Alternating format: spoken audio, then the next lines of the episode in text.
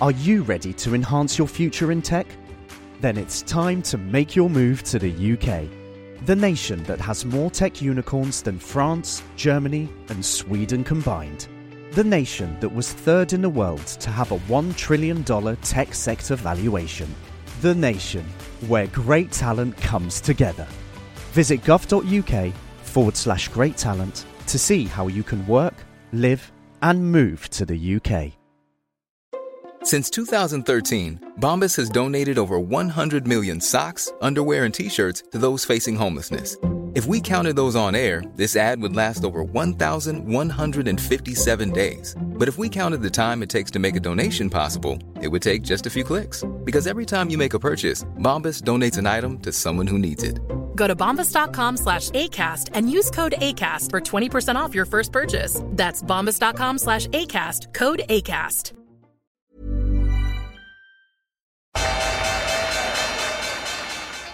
They mistook leverage for genius. Leverage for genius. I would recommend Japan. The governments don't rule the world. Goldman Sachs rules the world. Velkommen til en ny episode av podkasten 'Tid er penger', en podkast med Peter Warren. Nå er det lenge siden vi har gjort et opptak, så velkommen tilbake, Peter. Vært på Tusen liten takk. ferie. Ja. Litt brun. Eh, og eh, i dag har vi massevis av ting vi hadde tenkt å snakke om. da Vi hadde litt oppsummering fra forrige podkast, litt om valuta, litt om hvordan du lykkes i finans. Uh, Peter er litt uenig med en ting DN skrev. Uh, Vix kan Ja, er, Vix meningsløs, var spørsmålet da. Snakke litt om hva som har skjedd eh, med Hongkong og Kina. eh, Noen interessante refleksjoner rundt det, tror jeg. Også fått et spørsmål her som er knytta til eh, et norsk hedgefond. Uh, litt om uh, eh, problemer i bankvesenet. Og så er det mulig at vi toucher opp et tema som vi vet veldig mange lyttere er interessert i, som er forbrukslån i Norge. Så da har du sånn, sånn roughly oversikt over det, um, det vi skal snakke om i dag. Før vi starter podkasten, så tror jeg vi skal presentere vår partner i podkasten, som er IG Markets. IG er en eh, nettmegler for private investorer og tradere. Eh, kanskje spesielt et fokus på dem som har kortere perspektiv og ønsker å gjøre eh, raske klipp på det man kaller trading. Da. Hos IG kan du handle et bredt spekter av markeder. Norske og utenlandske aksjer, eksotiske råvarer som appelsin, sukker. Du kan handle selvfølgelig alt mulig av valuta og statsobligasjoner.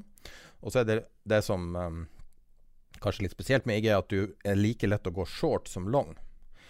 Uh, som er kanskje ikke alltid like lett med alle produkter. Så har eh, IG lansert et nytt uh, produkt som heter Turbo 24, som vi fortalte litt mer om i eh, introen til forrige episode. Så hvis du vil høre mer, så kan du høre da.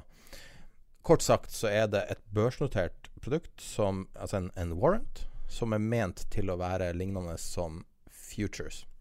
Uh, du kan lese mer om det på ig.com-no.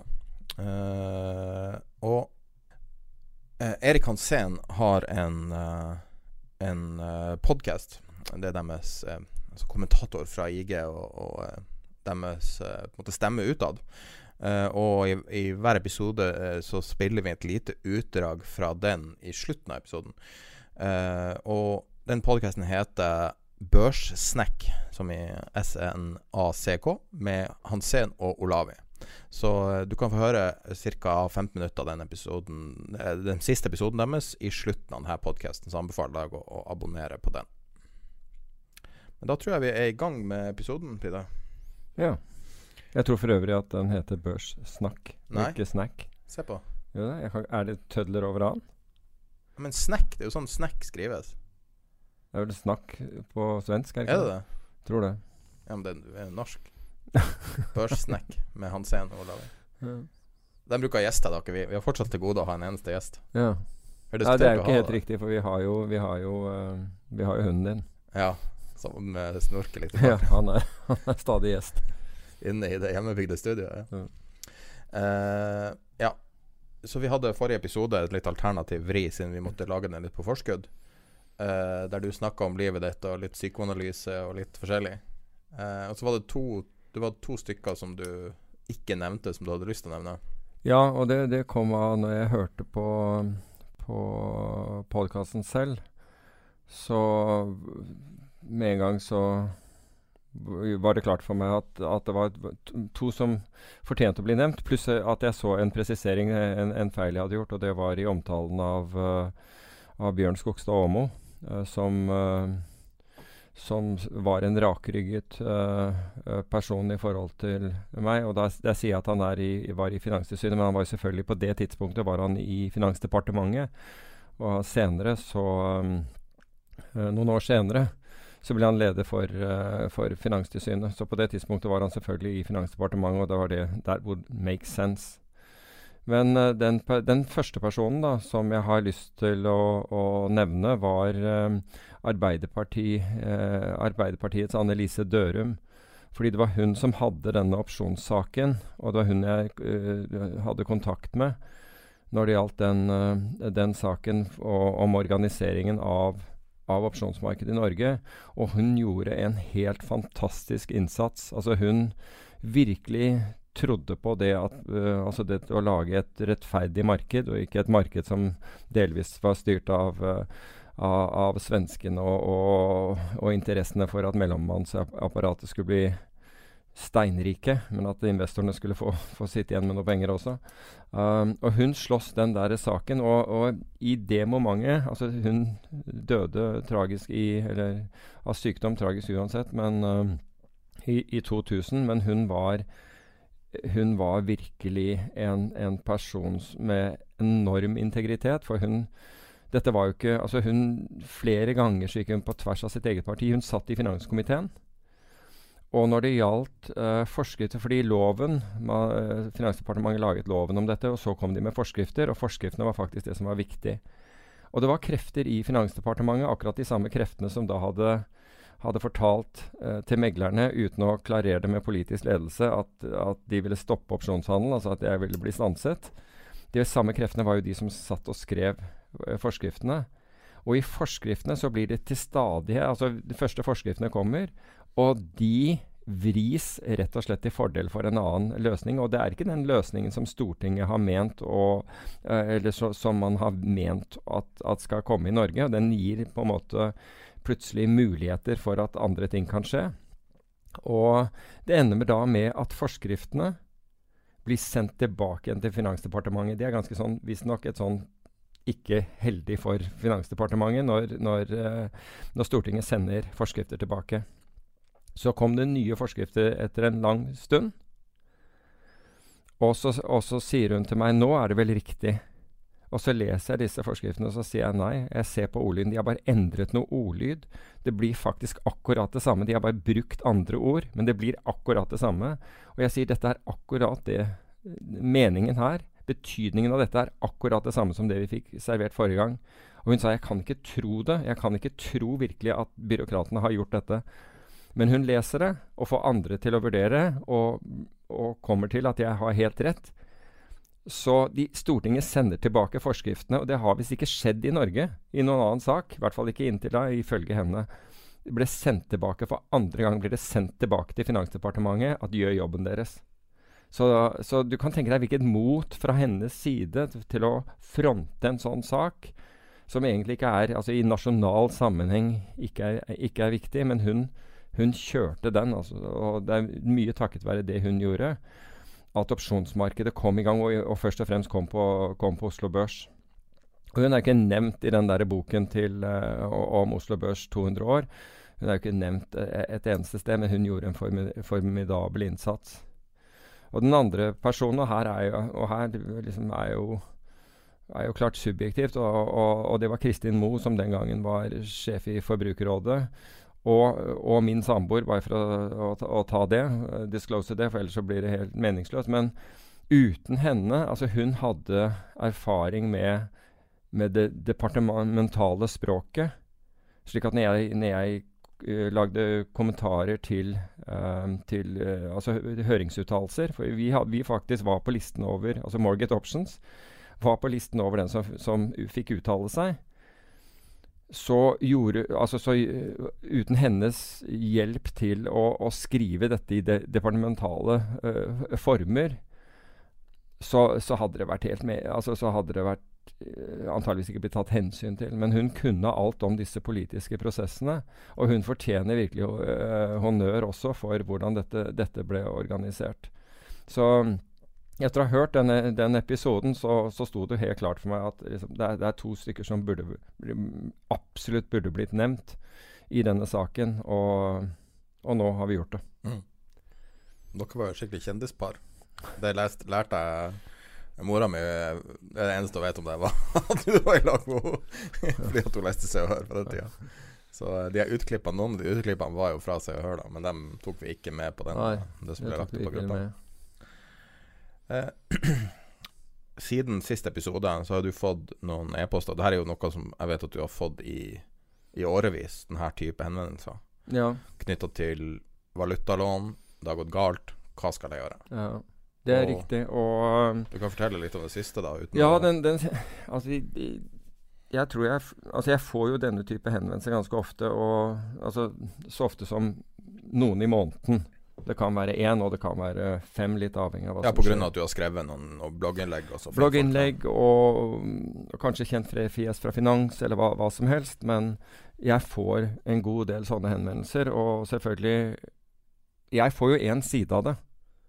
Og det er jeg jo veldig klar over. Jeg får jo én persons side av det, og, og på ingen, kan på ingen måte felle dom over eller noe, eller noe sånt. Og har ikke noe Men Og mitt råd gjennomgående er at man tar kontakt enten med Finanstilsynet uh, Noen har vært hos Finansklagenemnda, noen har klaget allerede, men, eller Forbrukerrådet. Men i dette tilfellet uh, så var det et, et ektepar fra la oss si Innlands-Norge Uh, som da hadde blitt anbefalt av banken sin å ta opp lån, altså at konvertere lånet sitt til, til sveitserfranc.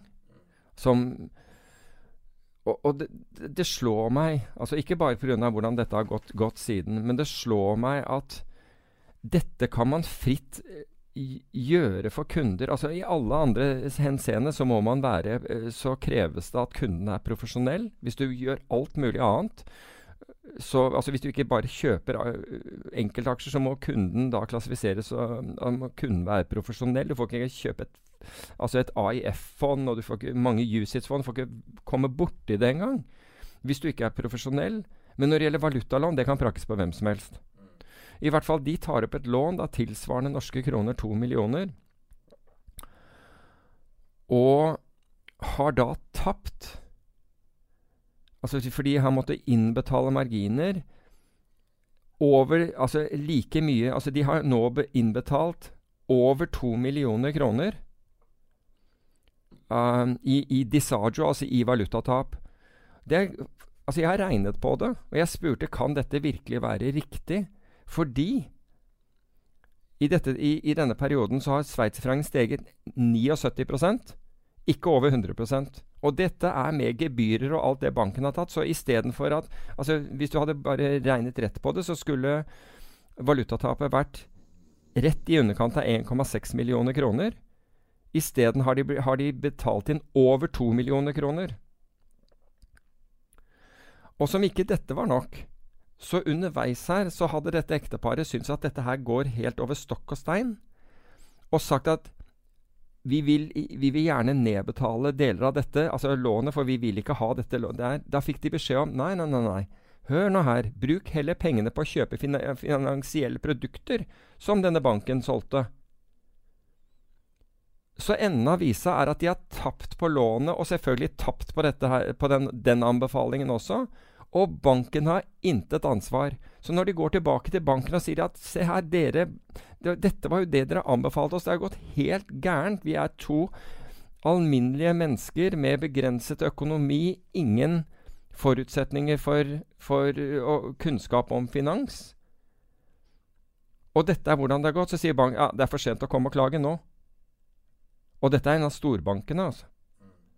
Og jeg, jeg men for meg så er dette altså det er helt vilt. Og de, spør, de, er jo desperate nå, fordi de ser jo at kronen har svekket seg ytterligere. Lånet deres altså blir bare dyrere og dyrere, og vet, altså vet ikke sin arme råd. fordi de er ikke mennesker som har den type likviditet heller. Altså å skaffe opp over to millioner kroner.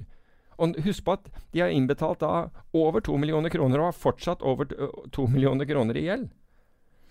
Og, og dem som ikke følger Jeg vet ikke hvor mange som følger kronekursen og mot, mot sveitserfranc. Dem som følger det, følger jo veldig tett. Uh, så siden det begynte å skyte opp sommeren, rundt sommeren i finanskrisa av 2008, så er vel sveitserfrancen opp 88% eller noe sånt. Mot uh, Altså nesten dobla seg. Det var rundt Mm. hva, fem, eller noe sånt. Og nå er det vel eh, Ja, nå er den eh, Ja, ja, nå er 9, 23, 9, ja, nettopp nå. 9,24 eller noe sånt nå. Så um, Og um, eh, kanskje grunnen til at jeg tar kontakt med deg nå, er jo at hvis du ser på det chartet som jeg har tatt opp nå, som er da helt tilbake til 2008, så ser du at, at den eh, Den banen man har ligget i nå, at man har brutt opp her mm. eh, tidligere i år, og dem da sikkert da føler på det her igjen. Det forferdelige oppturen. For det har vært tre store oppturer siden 2008 som har wipa ut ganske mange. Ja, det er helt voldsomt. Altså, det, du hadde jo den vanvittige vanvitt i 2015, ikke sant? I januar 2015. Da Det verste på jorda var jo Island. Altså Halve Island hadde valutaland, mer Ja, ja. Alle, kanskje nesten alle. Hadde valutaland som da ble dobla seg på én dag um, i 2008. Um, og så har du da uh, vel, har vel eurokrisa her, sikkert. Den piken mellom 11 og 12. Og så hadde du da den voldsomme Ja, når, Ja, og når, når, Sveitser, når sveitsiske sentralbanken slapp løs Gulvet, ja. På, gulvet på 1,20 mot euro Nettopp. i Ikke sant? 2014, var det? 15. Januar 15. Januar 15, ja. Mm. Så Men det er altså det, det er altså jeg hører om dette Jeg syns, jeg syns jo oppriktig synd på, på, på mennesker. Og så samtidig, rett før helgen nå, så leser jeg da at i en annen øh, Og dette var jo et, øh, et rådgivning eller selskap eller finansforetak som da hvor en eller annen blir dømt til å betale investorene fordi de mente at dette var dårlig råd, eller hva det var for noe. 1,5 millioner kroner. Det skjer i private foretak. Da, da er man raskt på pletten, og da dømmer man. Men her hvor det systematisk, og dette har skjedd med så mange, så, så får dette skli helt Altså, dette blir ikke altså Det er akkurat som Røeggen-saken. Altså, du må Forbrukerrådet for å ta tak i det. For det virker som Finanstilsynet fullstendig eh, lar være å bry seg om når, når, eh, når, det er banker involvert. Jeg begynte å grave litt i avisarkiv bare for å se hva jeg fant på ordet valutalån. I 2014, når eh, krona da svekka seg mye, Uh, så skrev uh, Det var vel sikkert da hegnar.no, men det, det står på finansavisen.no at uh, forrige uke ble dramatiske valutamarkedet hvor kronen svingte i verdi med 10% på to dager. Og da var krona svekka så mye, euroen var 9,9, og sveitserfrancen var i 8,2. Altså vesentlig lavere enn uh, nå. Og det de sier, er at DNB har opplevd en, det de kaller en eksplosjon av interesse for valutahandelen. Og da kan man jo bare valutalån. Ja. Ja, valutalån, ja. Mm. Uh, og uh, Og da eh, en informasjonsdirektør i, i DNB sier til at, at, uh, er for, at de har dobla interessen i de ukene. da. Og hvis man da tar for gitt at folk kanskje har gått for sveitserfranc, som noe veldig mange gjør, så Mm. for å Så, få det så har ikke det vært veldig hyggelig. Nei, det, det har gått eh, Altså, det man trodde var bunnen for krona, har vist seg å ikke være det. da. Men én ting syns jeg er at hvis eh, som de sier at uh, interessen hva var det du sa, det hadde doblet seg, eller det var voldsom interesse. Men det spørs jo hvordan utgangspunkt man tar. Det må man selvfølgelig Jo, men, men hvis, hvis det Nå husker jeg ikke hvem var det du siterte, var, hvilken bank eller spilling, DNB. for så vidt, ok, og, og de sier at de har fått voldsom interesse. Det er én ting hvis, hvis kunden kommer og henvender seg og sier at 'dette vil jeg'. Men det er jo noe helt annet, føler jeg, når banken, altså rådgiveren man har i banken, sier at du, jeg syns dere skal Dette er smart. Altså dere, dere bør altså Fordi du vil jo tro at for at en rådgiver skal vite dette, så må man vite mye om, om økonomien til, eh, til de det gjelder. Man må vite at de, de forstår det de, de handler i. I hvert fall må du det når det gjelder alle andre finansielle instrumenter. Men skal det være en sånn derre free for all plutselig når det gjelder å, å selge valutalån som Guess what? Bankene har en høyere margin på enn de har når de låner deg norske kroner. mm. Det, det for meg er helt meningsløst. Jeg bare håper at Forbrukerrådet kunne kikke på en sånn sak, for da kan du plutselig få ordentlig hull på dette. Jeg har litt innsyn i, i eh, en lånekategori. Jeg skal ikke si hvordan kategori det er, bare for å anonymisere det. Som um, uh, hva, det, hva, du, hva det koster å anskaffe et relativt lite lån. Det er ikke forbrukslån, og det Er dette i bank eller er si- generelt? Ja, sik sikra lån. I bank. Bank, ja. Ja. Uh, og da vet jeg om en kar som Hvis han får Bare si, si en, en hypotetisk sum da på 1000 kroner, Mm. så får han uh, 10 av lånesummen i et slags finnerlønn. Wow. Det, det sier litt om hvor mye penger de tjener på det. Så Ah. går du inn og så ser du på tallene til Bank Norwegian eller DNB eller whatever, så ser du at å drive bank er 50% margin. Mm. Fordi at de rå, altså, og, og jeg gjentar det igjen, altså. Folk driver og leter etter konspirasjoner i øst og vest. Så ser du hva banker holder på med. Og du ser hvor de kjører deg, og du ser alle de forbrukslånene. Så folk er ikke klar over at DNB har jo vært den største pus- pusheren av forbrukslån i Norge i alle år. Gjennom sånne sidebusinesser som ikke står DNB på. Ok. Det var jeg ikke klar over. Det er bare å se hvem som eier Kresko. Okay. Første store forbrukslånkjøreren i Norge, det er DNB.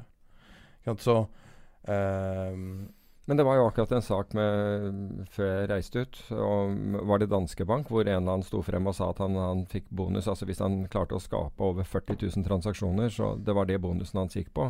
Altså det var bare ska altså få folk til å Ja, men altså det her gjøre transaksjoner. altså, altså, vi, Det er jo mye snakk om forbrukslån nå.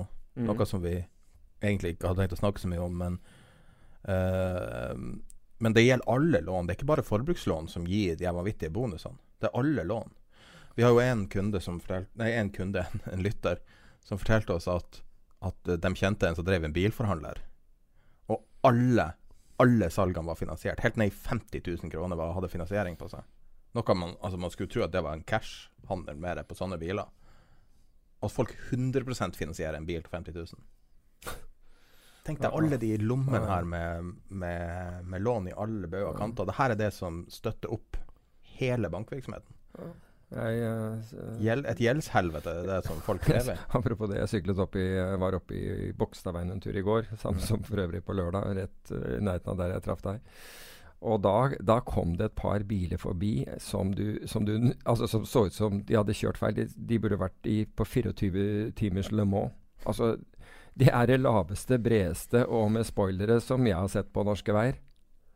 Sikkert en eller annen avart av noe Lamborghini-greier, men eh, McLaren eller noe sånt, kanskje. jeg vet ikke. Fins det i Oslo? Det kan godt hende. Det finnes ganske mange, overraskende mange Ja, ja. McLaren her i Oslo. Men, eh, ja.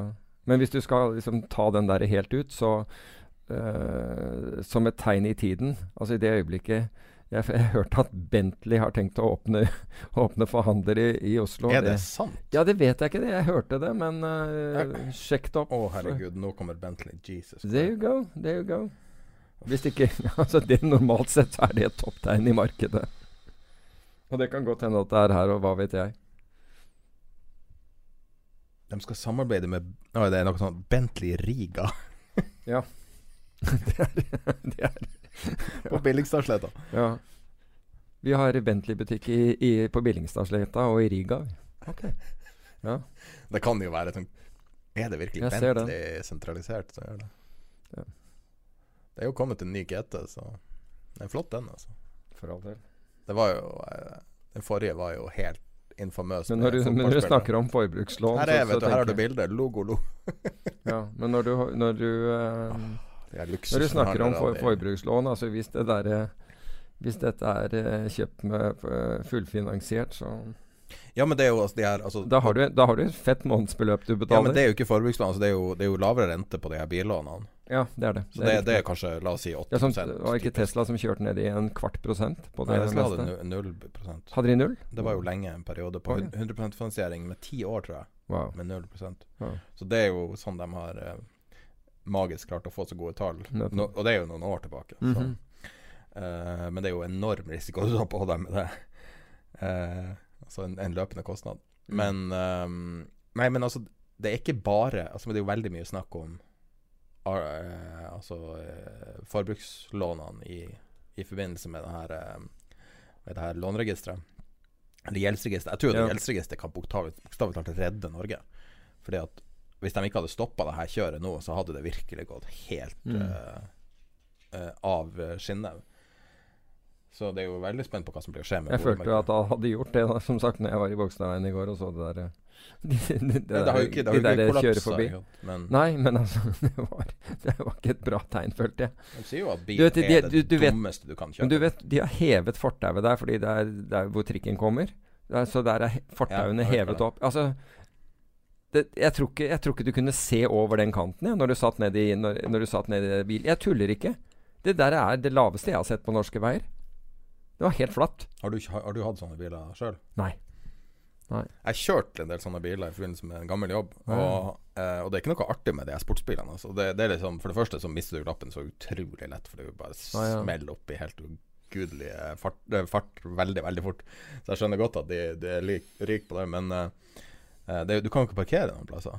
Så kjør rundt i en Mm. flott bil, sånn, du tør ikke å stoppe den, så Nei, du ender jo bare opp med å dra hjem igjen. Ja, ja, det. Ja, det, rå, det råeste jeg har kjør, kjørt, tror jeg det er, var en Altså, jeg har kjørt noen sånne form, forskjellige formelbiler, men jeg, kjør, jeg kjørte en Jaguar, sånn de, apropos Le Mans-type bil. Altså åpen en, som, altså sportsvognklassen. Sånn som er bare ett sete i, det sånn type. Ja. Det Eh, da. det kjørte jeg uh, på, på bane i England.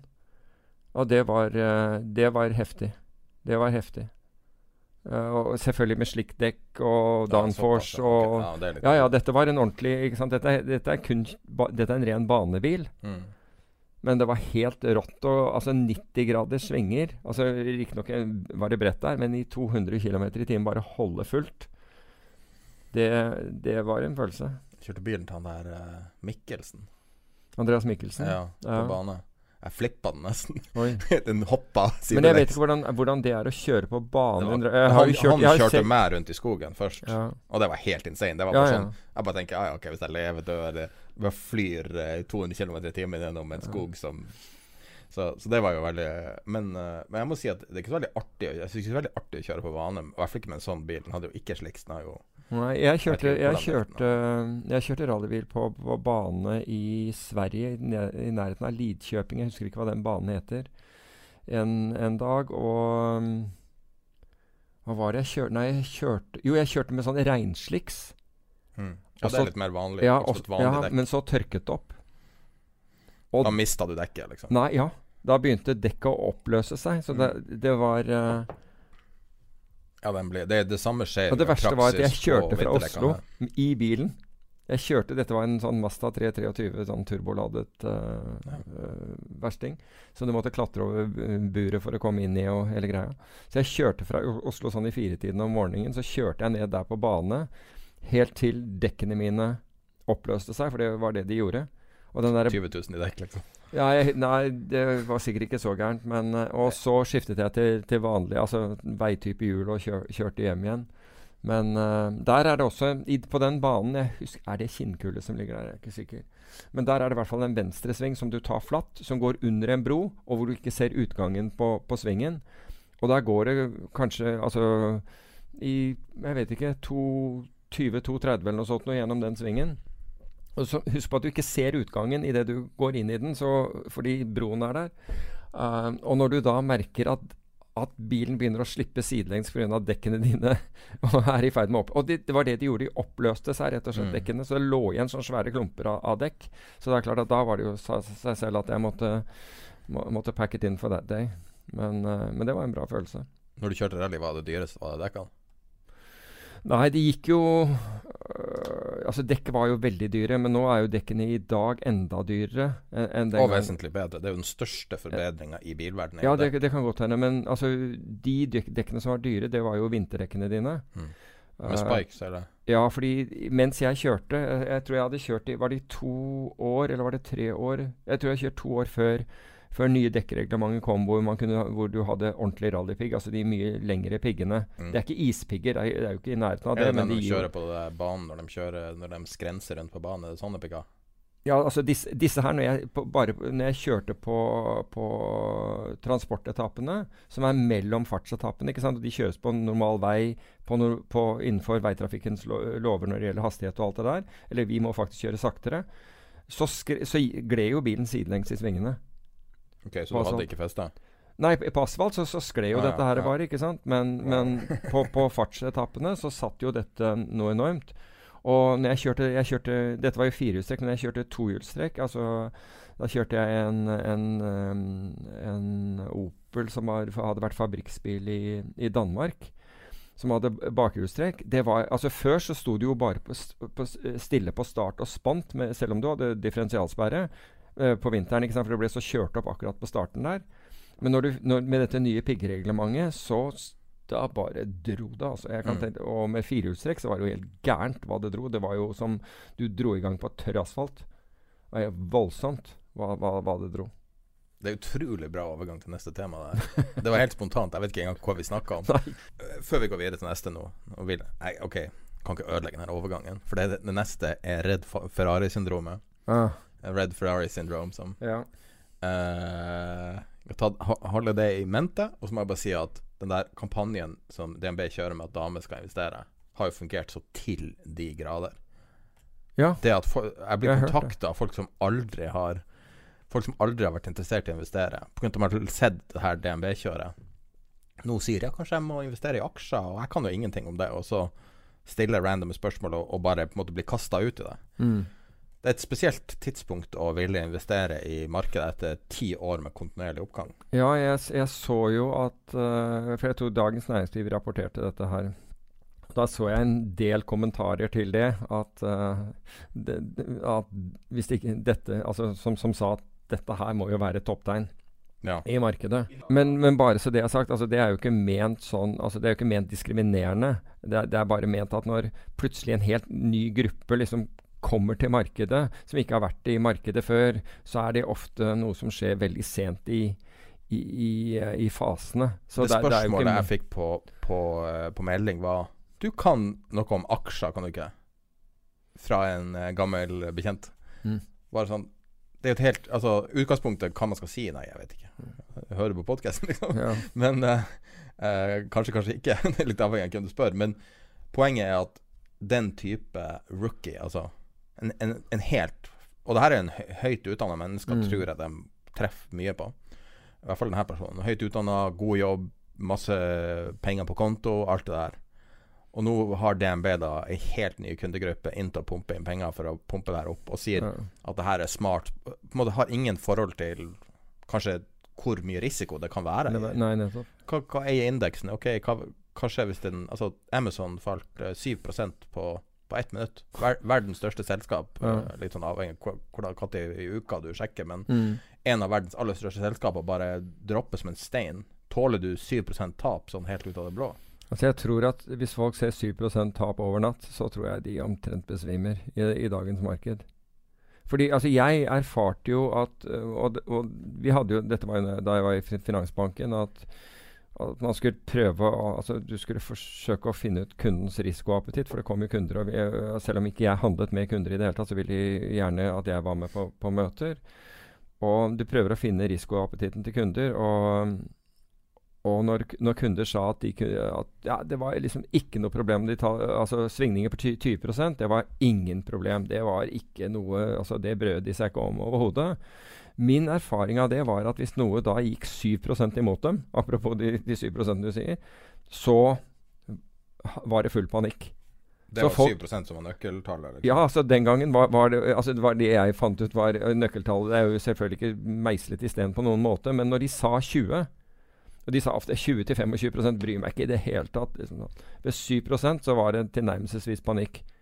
Så, eh, så, folk tåler mye mer, mindre risiko uh, enn, de, enn, de, selv tror. Og en annen ting er at du, du var inne på det i sted, det har liksom hatt ti år med oppgang. og Når er det man skal kjøpe aksjer? Og svaret er jo helt opplagt, og det skjønner jo alle. at liksom, Jo, det skal du kjøpe på bunn.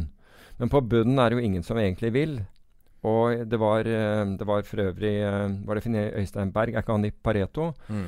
som hadde en kronikk eller en artikkel, vet ikke hva du kaller det, i DN hvor, e, som egentlig sa akkurat det samme som denne Dalbar Studien, Den årlige Dalbar-studien gjør om amerikanske sparere. og det Er at de får... Er det denne artikkelen som var i sommer? Uh, nei, den var nå. Den var nå i forrige uke, denne her til, uh, til Finansberg. Men uh, poenget er at Dalbar, som er Boston-basert analysehus, gjør hvert år et studie av amerikanske investorer. Hvordan, altså, de ser på hvordan markedet har gått, og hvordan gjennomsnittsinvestoren, hvilken avkastning øh, gjennomsnittsinvestoren har fått. Og, og, det du ser, er at man får da gjerne mindre, eller ca. halvparten av avkastningen til, til markedet. Og det har vært gjennomgående slik. Og det viste også denne, denne, den norske undersøkelsen. Den viste omtrent det samme. Du får omtrent halvparten. Og hvorfor? Jo, fordi når det er billig, så vil du ikke ha det, for da er det, da er det mye frykt ute og går. Um, og når det, er dyrt, så, når det først er dyrt, da tror du det er trygt, så da, da, går du og kjøper. Så du får på en måte Du kjøper høyt og, og selger lavt. Selvfølgelig, og det er jo noe forståelig. Ja, ikke sant? Så, så, det er ikke annerledes i Norge enn det er i andre land. Um, og Men, så, så med, hvis du da vet det Altså Hvis du sier at ok, sånn er det, men jeg vil gjerne inn i aksjemarkedet Det vi vet, er at vi er ikke på bunn. Det, altså jeg, tror ikke, jeg, tror ikke, det er en breaking news å hevde at aksjemarkedet ikke er på bunn nå. Men hvor er toppen? Er det her? Nei, vet ikke jeg. Kan godt være at det, det, det går lenger enn dette her. Jeg, jeg, har ikke peiling. Men vi vet at vi ikke er på bunn. Så med, de, med den kunnskapen hvordan skal vi agere hvis vi på død og liv skal inn i aksjemarkedet, fordi vi tror at det er der vi skal være? Da bør man antageligvis ha en eller annen sånn hvor man kjøper enten hver måned, hvert kvartal, altså porsjonere det ut. Måten man går inn på. Inn, ja, skalere rett og slett inn i markedet. Og hvis du f.eks. ser et dropp på 20 Når du sier markedet, kan du spesifisere. For jeg kan si at jeg pekte, når alt kom til alt, så sa jeg at jeg tror ETF-er er din Altså børsnoterte fond er Hvis du først skal kjøpe noe, så Finn ut hva du ønsker å oppnå. Og så kan du finne børsnoterte fond som matcher det du vil oppnå. Hvordan eksponering du vil ha. Ja. Oslo Børs, ja, ja. Det kan du gjøre om, om, du bruker GLD, børsnotert. Ja. Men, men, la oss bare ta, ta, den der. Altså Hvis du skal ha Oslo Børs, og, og du ikke har tenkt på Altså Det er noen som, som altså Jeg, blant annet, tenker jo på det at jeg har en del utgifter i utenlandsk valuta. Mm. Uh, uh, jeg kommer til å bruke en del penger i utenlandsk valuta, og, og utenlandsk valuta er mer enn det du tror. Fordi flybilletter er avhengig, altså prises jo i dollar. Hoteller rundt omkring i verden pris, jo i utgangspunktet prises de i dollar, og så konverteres de til norske kroner. Slik at jeg vet at jeg har en del valutaeksponering, og dermed kan det være greit å ha, ha investeringer i samme valuta. Så det er, det er, på en måte fornuftig for meg å gjøre. For jeg vet at jeg får utgifter i det, så jeg kan godt ha inntekter i det også. På, mm. på en måte inntekter av det. Men hvis du er i, i Norge, da, så og da ville jeg jo definert markedet som Oslo Børs. Da, øh, og hvis du ikke skal gjøre noe helt spesielt, sånn som at du, du skal plukke ett av de, eh, et av de fondene Altså et av de, hvor mange aktive forvaltede fond det er i Norge, men liksom et av de fondene som, som lover deg at de skal slå indeksen, men det viser seg at bare et fåtall faktisk klarer. Uh, så, så ville jeg, vil jeg, vært indeksnært. ikke sant? Altså Det er den billigste du kan gjøre. Du kan kjøpe det. Eller du kan gjøre som du sier, kjøpe en ETF. Men jeg ville gjort noe sånt nå.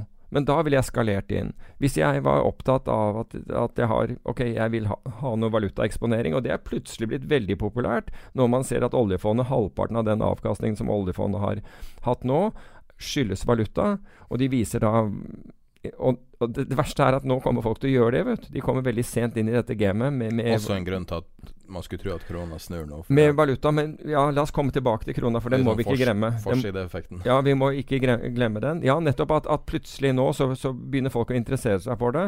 Det har vært veldig ma mange år hvor jeg har sett det motsatte skje, mm. og hvor det har vært helt idiotisk, i anførselstegn, å ha eh, fond i, i, i annen valuta.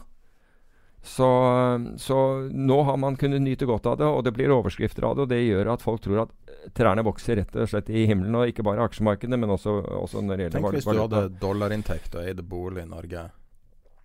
Ja. Eller eh, eide fra USA, f.eks. Da er ikke markedet opp. Nei.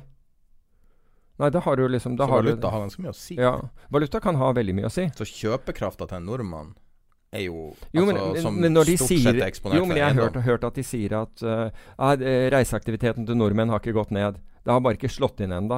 I swear to God, det har ikke slått inn ennå. Folk har finansiert det med de kredittkortene som nå er ferdig, ja. og nå får vi se Ja, men jeg, men jeg tror, jeg tror, altså jeg tror det, det har bare ikke slått inn enda. Jeg tror det slår inn i løpet av 2020. Da kommer du til å se det at folk kommer til å se Å, helsike hvor dyrt det har blitt. Mm. Og det har det. Det er blitt voldsomt dyrt ikke sant, i utlandet. Og da kommer du til å se den der Jeg tror folk generelt reiser mindre til USA. Det tror jeg. Uh, Veldig spesifikt. ja, men Det spiller ingen rolle om du reiser USA, USA eller om du reiser til, til Østen, for det meste er priset på, på dollar også. Jo, jo, men altså, det er Se jo på hoteller, den type ting er priset. Vietnam og Thailand og whatever at, at det er lettere å gjøre. Ja, det kan, det kan være. Fordi en side av kronen er altså vi, vi har akkurat snakket om den, men la oss, la oss se hva som faktisk foregår. Ja, Spørsmålet er jo hva i alle dager Hvorfor er krona så Hvorfor er svart, Ja. svak? Og det er litt sånn urovekkende, fordi Ja. at det er ikke noe åpenbar årsak. Nja, altså er det eller er det ikke åpenbare årsaker? Se på øh, norske børsen, altså aksjebørsen. Den underperformer i en hel haug av andre markeder. ikke sant? Den er vesentlig svakere enn USA, svakere enn Sverige, svakere enn Europa. Um, som, som tyder for, øh, som, Altså mye tyder på meg De de snakker om at det er både kommersielle og spekulative strømmer som går mot, mot norske kroner i øyeblikket. Okay. Og de kommersielle, det kan godt være det at folk sier at vet du hva, vi realiserer norske markedet er aksjemarkedet altså Siden Norge henger så langt etter de utenlandske markedene, kan det godt hende at man sier at ut, utlendinger er ikke interessert her lenger. Mm. Så de realiserer. De, utlendinger er på selgeren. Men da er det, er det næringseiendom som er greia? Ja, det kan være at de Altså er på selgeren der òg. Nei, men det kan være aksjer. Det kan være, en, eh, det kan være eh, næringseiendom. Du hadde man- jo den der dealen du fortalte om, Ja. som du kjente til, som Ja. de hadde droppa ut. Og det var jo altså at nei-seiendom begynner Ja, å prises lavt. ja den hørte jeg, hørte jeg akkurat nå. Ja, hvor, hvor utlendinger de, de det, var, det var 100 millioner kroner i, i prisforskjell hva, hva utlendinger var villige til å betale, kontra hva, hva, hva nordmenn var, var interessert i å betale nå for næringseiendom. Mm. Men utlendingene satte, pri, satte prisen altså på- Det var en eiendom til 1,250, altså 1,25 milliarder. Eh, Det var, det, det var utlendingens bud. De ville ikke gå over der. Og nordmenn var villige til å gå 100 millioner til. Mm. Så Så det kan godt hende at det, er, at, at det er deler av kapitalstrømmen. Og så i, i tillegg til dette så har man Så har man øh, øh, trendfølgende fond, som, som visstnok har pøst ekstra mye inn. Altså det mer det går, det, det, det flere penger kommer inn i disse her. Så du har på en måte to sånne faktorer som går mot, mot kronen for tiden. Kan det også være at det at vi øh, hever renta, eh, får en sånn psykologisk negativ effekt, som er motsatt av rentediffen? Som vanligvis vil rentediffen Nei, jeg, jeg tror ikke det. Men jeg, jeg tror man har håp om uh, liksom Man hadde kanskje håp om at man skulle heve renten enda mer. Det ville gjøre kronen mer attraktiv. Men Men du skjønner hva, hva Men- jeg mener? men Fordi at andre er- land er ekspansive. jo, men, jo, men vi, vi må se litt på Norge. ikke sant? Der er lønnsveksten vært høyere enn produktivitetsveksten i noen tiår. sant? Så, så det er ikke som, som det ikke fins fundamentale grunner. Det er ikke som det går så godt her hjemme at, dette kan, at kronen ikke kan svekke seg. Ikke sant? Det sagt, eh, sagt så, så, så Det er litt morsomt, fordi euro mot krone f.eks., den har faktisk en fetere venstrehale enn høyrehale. Med andre ord, selv om den, den hadde en kraftig oppgang nå i, for et par uker siden, så er det normalt at når den først begynner å falle, så er eh, daglige bevegelsene større til nedsiden enn de tilsvarende bevegelsene tilsvarende bevegelser har vært til oppsiden. Men når vi drar ut chartet, så ser du jo at den er jo påfallende volatil. Ja, det, altså det, i, i perioder kan den være veldig volatil. Men spiken i, eh, fra 2008 f.eks. Ja, eksempel, jo 2008. Og, og når det er Ja, og når det er eh, men, men det er det med norske kroner. Når det først snur, mm. så, er det, så blir det trangt i døren. Og da blir det trangt i døren for de som har, har shortet norske kroner, sånn som har skjedd nå. Altså kjøpt euro og solgt kroner. Da blir det veldig trangt i døren for dem. Så dette går mot altså Vi, vi snakket om det sist gang også. Rundt årsskiftet så har normalt sett kronen gått svak, og det var det jeg sa at, uh, at vi, vi, fikk den, vi fikk jo den styrkelsen av, kro, av, um, av kronen, svekkelsen av euroen, ned mot uh, Hva var det for noe? 9,83 eller noe sånt noe. Og så, og så skjøt det opp igjen. Skjøt det opp igjen fra, uh, fra det. Og mens jeg var i utlandet, så, så, så dro det til ordentlig. Men du får en Altså hvis du selger au... Og så var det Ja, la meg ta det samtidig. Det var en, som- det var en som sa på, på gruppen at det er så dyrt å sikre seg. Altså, hvis, altså Det er derfor ikke folk gjør det. Altså med andre ord sikrer seg mot, mot eurofall. Nei, det er ikke dyrt. Du får over 2% i året i ekstra. Altså Mm. påslag på euroen hvis du sikrer deg her. Så da tar du spot-kursen, altså kursen i dag, legger på 2% så kan du se hva du, du selger euro for om et år. Så du får penger for å gjøre det. Mot dollar er det en liten negativ premie, fordi, øh, rett og slett pga. dollarrenten. Dollarrenten i forhold til norske kronerenten. Men, øh, men når folk snakker om det er så dyrt å sikre seg, det er, altså, det er rentedifferansen som avgjør om, om, om, det er dyrt å sikre seg eller ikke. Uh, så i tilfelle du skal selge euro, så får du 2% over. Over der hvor kursen er i, er i øyeblikket. I hvert fall hvis du har en bank som ikke ripper deg fullstendig. Og det har du sannsynligvis, men det, glem nå det. Uh, så vi må tenke på det. Og så har vi dette som vi snakket om sist gang, og det derre utlendinger inn i norske obligasjoner. Så, eller andre begynner å kjøpe norske obligasjoner, som må være attraktive hvis du tenker på at de fleste land har, har obligasjoner, f.eks. tiårsobligasjoner som har negativ rente. Så har vi i norske, norske tiåringen har vel en rente på 1,35? Eller noe sånt noe? Vent litt, skal du få det opp her. Her har vi oh, ja. Greit. Eh, tiåringen. 1,32 nå. Ok. Og så nær, nær, Nærheten. Her ser du uh, på skjermen. Men poenget er at norske obligasjoner har, har gjort det liksom dårligere. Altså Det har jo vært en voldsom oppgang i obligasjoner, nedgang i, i renter. De to beveger seg motsatt vei. Ja, altså invers av hverandre. Mens norske har uh, Altså Norge har på en måte stått igjen. Og, så, og, og, vi lanserte jo det der, eller jeg gjorde det der, hvis at utlendinger på et eller annet tidspunkt vil begynne å, å ta tak i norske, norske obligasjoner. Det du sa var vel det er en crazy idé. Fordi ja. at det har aldri ja, ja. skjedd før. Så det vil være noe helt nytt fordi at det vil være i trygg havn, men de vil ignorere valutarisken, da. Og det er, en, det er jo en stretch, men det er jo en mulighet. Det er, det er en stretch, og det er en mulighet. Men i, i denne forbindelse så, uh, har, så skrev hun Ingvild Borgen Gjerde i DNB. Hun, hun, altså hun skriver vesentlig bedre i DNB enn det hun gjorde for Nordea. Der er det skjedd en forvandling. Uh, jo, men det skal hun ha. Uh, der, der, skrev hun en, um, en, uh, en, analyse på dette her, hvor hun bl.a. viser til at det norske markedet, altså obligasjonsmarkedet på, på lån over ett år, er mye mindre enn de utenlandske. Det er halvparten av det svenske. Altså norske er på 380 millioner. For øvrig så vedtok de vel i dag å utvide et av, lån, et av de norske statsobligasjonene med 2 milliarder. millioner? Milliarder. Ja. Unnskyld, milliarder hvis jeg sa millioner feil. 380 milliarder. De, de uh, vedtok å utvide var det 481-lånet i dag med, med, ytterligere 2 milliarder. Men det er mye mindre. Det er bare 2% av det italienske markedet. Jesus. Ja, ja, det er jo Problemet med Norge er jo at det her er jo basically driftskapital. Ja, ikke sant? Så, så, så, så, problemet er Men enda Så, du kan si at det er, det er et lite obligasjonsmarked vi har. Men enda viktigere, som hun påpeker, det er at spredden, altså, bi, altså kjø, øh, avstanden mellom kjøper- og selgekurs i norske statsobligasjoner, er ti ganger bredere enn enn det er for tyske statsobligasjoner. Wow.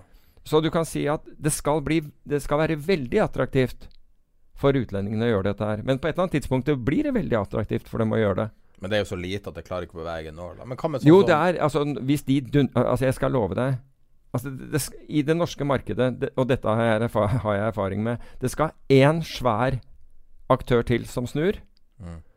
Og da drar det, altså. Men det som er interessant her, er jo at hvis en Goldman eller en ja. Sockgen eller Sockgen er sånn type som jeg kan tenke meg kanskje Nei, kunne være interessert Goldman Sachs Asset Management har flere ganger liksom virkelig gølva folk. Jo, men Sockgen kan tenke seg å gå for en sånn mer obskur, muligens bare sånn tar det på, på feelingen. Noen som teoretisk sett kanskje kan si Om Det er noen store hedgefond der ute som kan gjøre det òg, altså. Ja. Nei, men jeg tenker bare sånn Bare for the sake of argument, liksom. Hvem kan knalle til og plutselig ja. komme med ei obskur anbefaling? For en ting som, som er ofte i et sånn her type marked, er jo at du må ha en story. Du må ha noe ja, men sto Storyen er du putter pengene dine i statsobligasjoner, Sånn som det er i dag. Jeg har aldri sett noen anbefale norske statsobligasjoner noen gang. Nei, men eh, sånn som så det, det vil være i overraskelse? Ja, ja, så, ja, men jeg tror absolutt at det, det En sak på Bloomberg En sak på Bloomberg ja. er alt skal til. Ja, det no, antageligvis.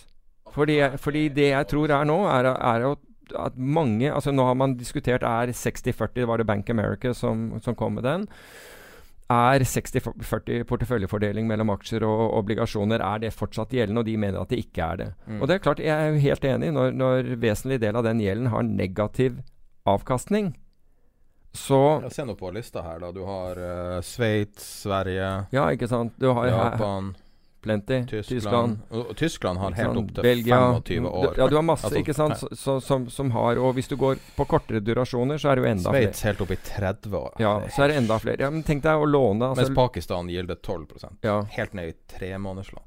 Hva, hva det betyr? Det betyr 12 på Pakistan er, er, er ikke et åpent marked heller, for den saks skyld. Så det er det det betyr. Så, men uh, For de er ikke så usikre at de Nei, det tror jeg ikke. Men, men, men, men poenget er at um, på et eller annet tidspunkt så Altså, hvis du er en pensjonskasse Altså Problemet er at norske er ikke stort nok. Men hvis du er en pensjonskasse som ikke er altfor, altfor, altfor stor, så sitter du med en rekke lands lån som nå gir deg negativ avkastning. Du har vanvittig durasjonsrisiko. Mm. Hvis, dette her, eh, hvis, hvis renten skulle begynne å tikke oppover, så, så kan det hende at en eller annen sier du, du er ikke større til at du kan, du kan ta tak i det, i det norske markedet.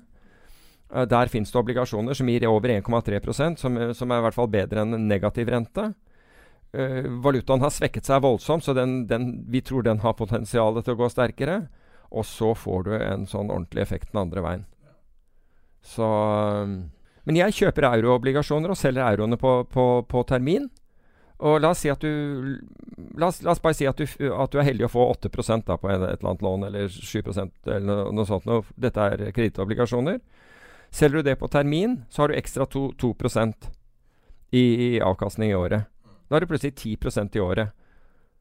Og det fins obligasjoner også på Oslo Børs, notert på Oslo Børs, som i, eller øh, notert her i, i det norske markedet, som Ta f.eks. Infront. Infront har jo euroobligasjoner. Altså informasjonsleverandøren, altså finansielle informasjonsleverandøren Infront, har obligasjoner i det norske markedet som antageligvis nå ikke gilder det. Det gilder vel lave syv, eller kanskje et eller annet sånt. Men hvis du swapper det da, hvis du da selger disse euroene ett år fram på, på, på termin, så får du 2% til i året. Da begynner det å bli da begynner det å bli li, litt interessant også. Men nå tror jeg de altså, Når jeg sa 7 så eller nærheten av Litt over 7, tror jeg det var. 7 og en kvart. Da, det var til par, men jeg tror den handler rundt 101,5 eller et eller annet sånt nå. Så, så lånet er høyere. Men eh, bare som et eksempel, da. Så det er ting du kan gjøre her hvis du Og da kjøper du, da kjøper du euroene til spot i dag. Da. La oss si at du betaler uh, Hva var det vi sa? 9 21 Ja, det var vel ikke så høyt. Ja, si, si 9,20, da, så får du ytterligere 2% på Unnskyld, 10,20. Så får du ytterligere 2% på, øh, på det. Så blir det jo Altså, det blir jo penger. Mm. Og da får du, da får du en eh, Da får du jo en, eh, en, eh, en, en høyere avkastning på pengene dine. Så det begynner å bli ting som er interessant. Og du trenger ikke å gå Altså du kan sikkert kjøpe investment grade og obligasjoner også for å uh, for, for å hvis du, hvis du ønsker en større grad av eh, Større grad av si sikkerhet. Så hvis du kjøper da La oss si på 10,20, da. Så får du 10,40 om et år Ja. for de euroene. Og du, og du eier den underliggende obligasjon, og du, og, slik at du har jo pengene.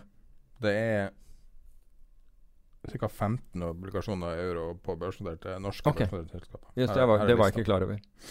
Det var ikke klar. Er Infront blant de som er der? Ja, du har Norwegian-obligasjonen også. Den kunne jo lede oss opp eh, bort til å, å, å, snakke om den. Ja.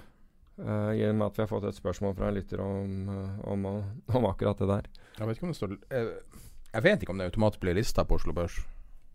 Selv om det Jo, altså NA07 heter vel eh, det, det Jo, altså øh, eurolånet til Norwe ja, Norwegian. Har du det i hodet? Seriøst? Ja. Wow. Ja, Den heter NA07. NAS07. Ja. Sorry. NAS er det. Det var ganske 07. imponerende, faktisk. Ja, det? for NAS er jo tikkerkoden til Norwegian. Er du short eller long eller noe? Long. Du er long, det? Ja. ja, for du vet ikke det Ja, hvis du ikke er det. Men øh, Men øh, Men jeg vet ikke om vi, kan ta, altså, om vi skal ta det i samme momentet, momentet fordi um Altså, vi kan jo ta Vi, har jo, vi hadde jo tenkt å, å, å snakke litt om den obligasjonen, da. Eh, eller- Ja, det var, fordi, det var fordi vi fikk spørsmål fra, fra lytter. Uh, og det var da en, en lytter som hadde, hadde sett at uh, at Sissener eh, Fordi han fortalte han hadde han, han eide disse obligasjonene, men han har shortet tungt i Norwegian, Mm. i aksjen. Og så spør, spør lytteren om liksom, Er det Uh, hvordan gjør man det? Hvordan, altså, hva er risikoen med det? Og her er det, det er ganske interessant, fordi du kan si at det er noe som heter capital structure arbitrage. Gud vet hva det heter på norsk. Kapitalstrukturarbitrasje. Det var, så, så, enkelt var det. Men det vil si at du, du handler på, på, på, forskjellige ting innenfor et selskaps kapitalstruktur. Og Hvis vi tar eh, Norwegian, så vet vi at Norwegian har aksjer, og Norwegian har obligasjoner der ute. Og du kan si at det, alt annet like så skal det være sikrere å sitte med obligasjoner enn aksjer. Og når vi gjør det altså Med en obligasjon så har du ikke ubegrenset oppside, sånn som du kunne tenke deg å ha i aksjer. Men du har full nedside hvis det går gærent. Og hva er det som går gærent da? Jo, det vil si at selskapet betaler ikke renter. Dette, dette, er ikke, dette er generelt, dette har ikke noe med Norwegian å gjøre. Men selskapet betaler ikke renter, og det kan ikke tilbakebetale lånet. Hvis det har skjedd, så har selskapet gått konkurs. Er den her usikra, forresten? Den er usikra. Ja, men nå er den kanskje ikke det. Nei, nå er den ikke det. Den sikra med det der Nå er den sikkert, sikret med slottene i, uh, på Gatwick. Så da sitter du plutselig og eier masse slott? Da, Ja, nei, masse slott. nå er jeg masse slåtter på, ja, på, på, Gatwick flyplass. Så hvis de defaulter nå, så jeg tenkte jeg skulle fly over Jeg skulle fly bort der en dag, og så bare gå fra terminal til terminal og kikke. jo, men helt seriøst hvis, hvis, Og spørre de på gaten og hvordan går det her. Hvis Norwegian defaulter, så at the end of the day så eier du slottene på Ja, så da Som er da solgt videre til, til Ryanair. Ja, whoever. Det var jo noe vi hadde, hadde lyst til å snakke om. Ja. Men, men, men, poenget mitt Ryanair. Ja, men poenget mitt er uh, Poenget her er da Ok, så, så det, er, det, er, strukturen du kan få ut av obligasjonen. Du kan få det, det beste som skjer deg i obligasjonen, bortsett fra disse obligasjonene handler nå uh, under par, altså de handler vel på noen og 80, uh, er at du får tilbake pengene dine og, og, Norwegian klarer å betale renter. Det er det som uh, Det er liksom det beste som, som skjer med de. Mens ja. nedsiden din er at du taper alt. På aksjer så er nedsiden at du taper alt, men du kan tjene veldig mye mer. Slik at det er ikke symmetri i utgangspunktet mellom å eie obligasjoner og shorte aksjer. Det betyr ikke at du ikke kan gjøre det. Pluss at det ikke ligner likviditet i obligasjonene heller. Nei, det kan også være. Ikke sant? Det, det er det heller ikke. Uh, Ingen handler i dag, så vidt jeg. Nei, men altså Det, norske kredittobligasjonsmarkedet er, er, jo et de, altså det er jo sånn desentralisert marked som aldri burde være sånn som det er i dag. For du burde ha, kunne se kjøper- og selgerkurser på skjerm, og, og, marked, og, det burde alle investorer kunne. Men nå er det slik at en, en privatinvestor som eier dette her hos et meglerhus, han aner ikke hva prisen er hos andre. Og hvis det meglerhuset ikke har en motpart i den, så gidder de omtrent ikke å gjøre noe med den. Da må du liksom Og hvis du da ikke har gjennomført papirmølla for å bli kunde hos ni andre meglerforetak, så er du prisgitt denne ene megleren. Mm. Uh, gitt uten konkurranse. Da kan du regne med at du får en god pris for obligasjonen din når du skal selge den. Svaret på det er selvfølgelig nei, det får du ikke. Eller sitte helt ut til slutten. Blir, ja, det kan du gjøre. Men, men poenget mitt er så det Sissener har gjort, og det, nå tar jeg bare det som har stått i avisene, for jeg har ikke peiling på noe annet, det er at han har solgt Norwegian Short samtidig som han eier disse obligasjonene. Obligasjonene betaler jo da jeg vet ikke, de er ganske bra, over 10% tror jeg, i årlig avkastning. Og så får du den meldingen i forrige uke. Hva skjer da? ikke sant? Hvor Norwegian gikk det ikke 24% på en dag eller et eller annet sånt. Ordentlig opp, og så fortsatte det dagen etter. Men poenget er at da og det er jo akkurat det. Altså, avkastningskurvene til disse er ikke like. Og det verste, så du, normalt sett så vil men, Altså, det verste som kan skje med deg det er for, Borr Borr drilling er en sånn situasjon. Der har aksjen steget mens obligasjonen har falt. Det skal normalt ikke skje. Fordi du kan si at begge er innenfor samme kapitalstruktur, men det har faktisk skjedd der. Mm. Det, jeg kan ikke huske Jeg husker ett ordentlig sånn tilfelle som gikk helt gærent for uh, Deutsche Bank. Ved at det var åh, Hva heter han, da? Uh, Boas Weinstein.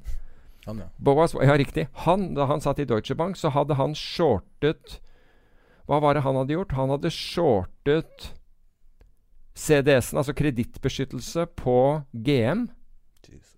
Og shortet aksjen. Hvorfor i alle dager det? Jo, fordi det, det, var litt av samme tra traden. Men så kom Hva, hva het han der eh, som kom inn og skulle overta GMA?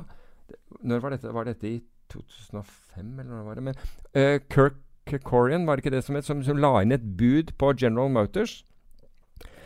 Aksjen gikk rett til himmels, og, og, samtidig Altså, den han er short, går rett til himmels. Så downgrader, jeg mener det var SMP, downgrader gjelda. Så han taper på begge sider av handelen. Og det er liksom helt ulogisk. Og han ligger vanvittig med, med tap på vegne av Deutsche Bank, men de ble sittende på handelen, så vidt jeg husker.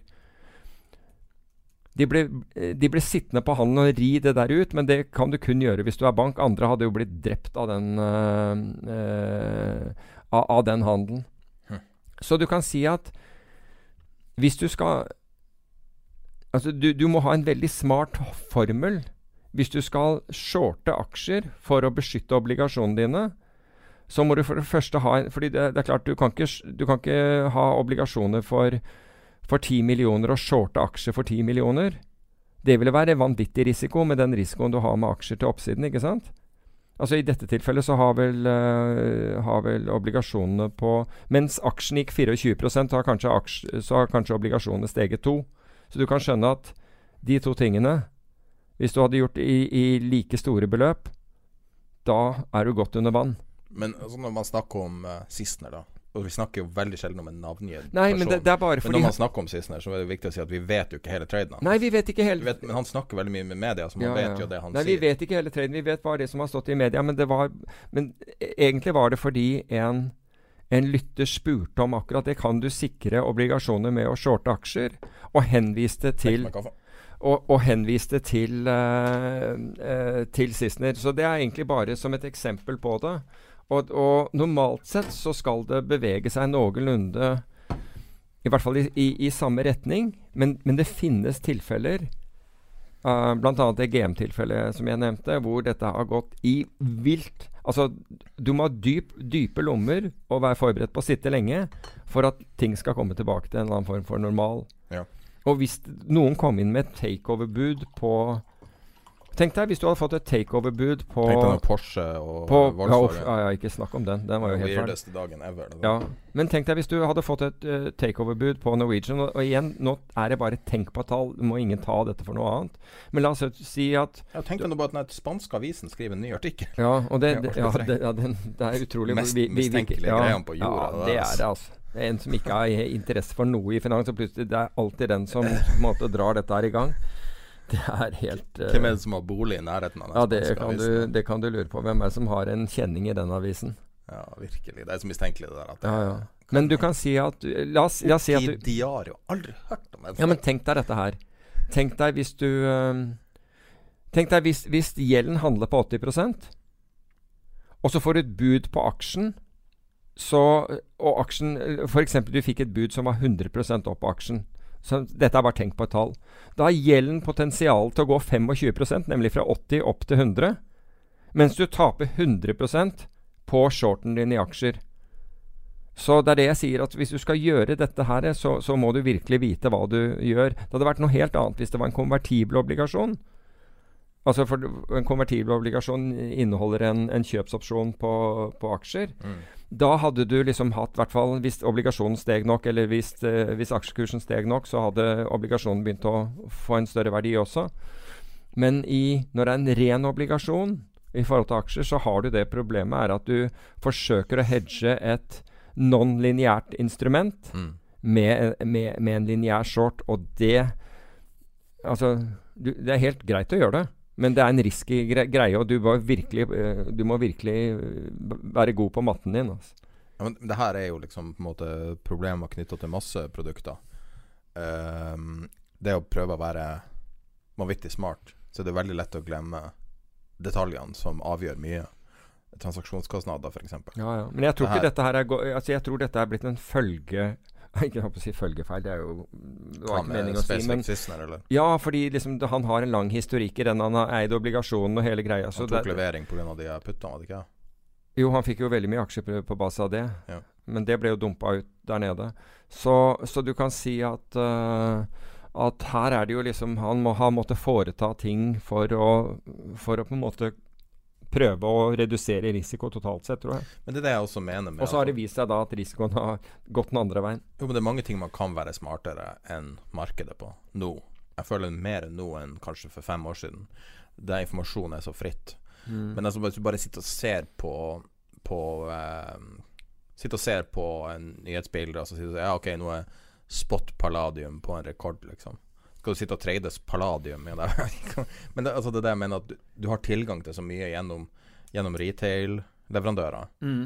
Men det er så vanskelig å Med en gang du uansett må du vite ting hva du driver med. Ja, men det er det jeg mener, sånn som det du beskriver, de strategiene du beskriver nå, Mm.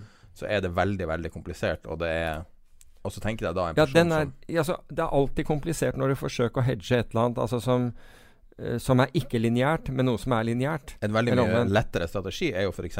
hvis du har en uh, opsjonsmegler der du kan gjøre flere bein på, på en gang. Det er lett, relativt lett å gjøre. Ja. Altså Det er noe du klarer å forstå hva du gjør, Ja. og du, uh, det er avhengig av Men det er, leverandøren. lett, ja. Men det er lettere å hed- hedge for eksempel den, den, den risikoen f.eks. med opsjoner. Ja, men hedge opsjon mot opsjon. Altså, Ja, det kan du altså gjøre. Ja, ja. Gjøre, gjøre to bein. På, Ja, ja. på en, hos en broker. Da, da får du i hvert fall Du vet i hvert fall hva du Men risikerer. hadde det vært, hadde vært opsjoner på Boy Drilling, så er det en mulighet nå, i og med at gjelden Det er det nå vel sikkert i USA? Ja, men det? Nei, det vet jeg ikke. Men, men der er det en mulighet, i og med at gjelden faller, mens aksjen stiger. Der, altså, men men du må ha opsjoner for å kunne gjøre det der. Altså, hvis du kunne utstedt en CDS der nå, så hadde det vært helt feminalt fenomenalt. Blant annet. Fordi det er, noe, det er noe gærent med det forholdet mellom obligasjonen og aksjen. Det er mulig at noen vet noe som ikke jeg vet. Men det er altså Når, når hva er aksjen misforholdet der? Ja, Misforholdet er at obligasjonen faller i verdi mens aksjen stiger. Det er tross alt, det er tross alt assets på, innenfor samme kapitalstruktur. Mm. Så hvis kredittverdigheten på Som er obligasjonen på Hvis kredittverdigheten til, til Borr eh, stuper, så skulle det vært Altså hvis det er Altså hvis obligasjonen er riktig, så er aksjen feil.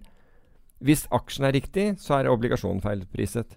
Men man skulle tro at obligasjonen er et proffere marked som er nærmere det riktige, gitt at det er omsetning i det. da Ja, det er, ja, altså, ja, du skulle tro det hvis, hvis det, det, Ja, du skulle egentlig tro det.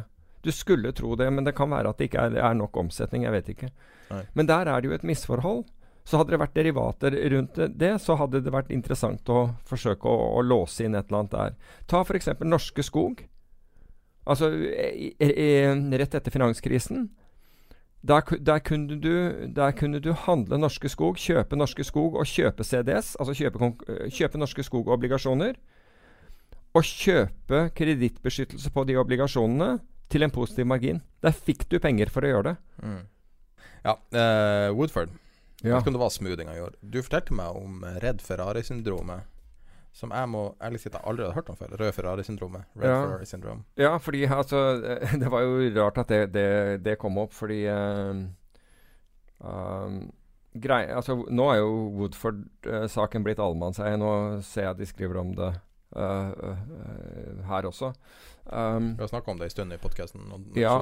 Ja, nettopp. Um, og her snakker vi om et fond da Jeg mener at han hadde over Var ikke noe sånt som 30 milliarder pund eller noe sånt? da? Det var jo helt van- vanvittige summer han hadde på det, på det meste.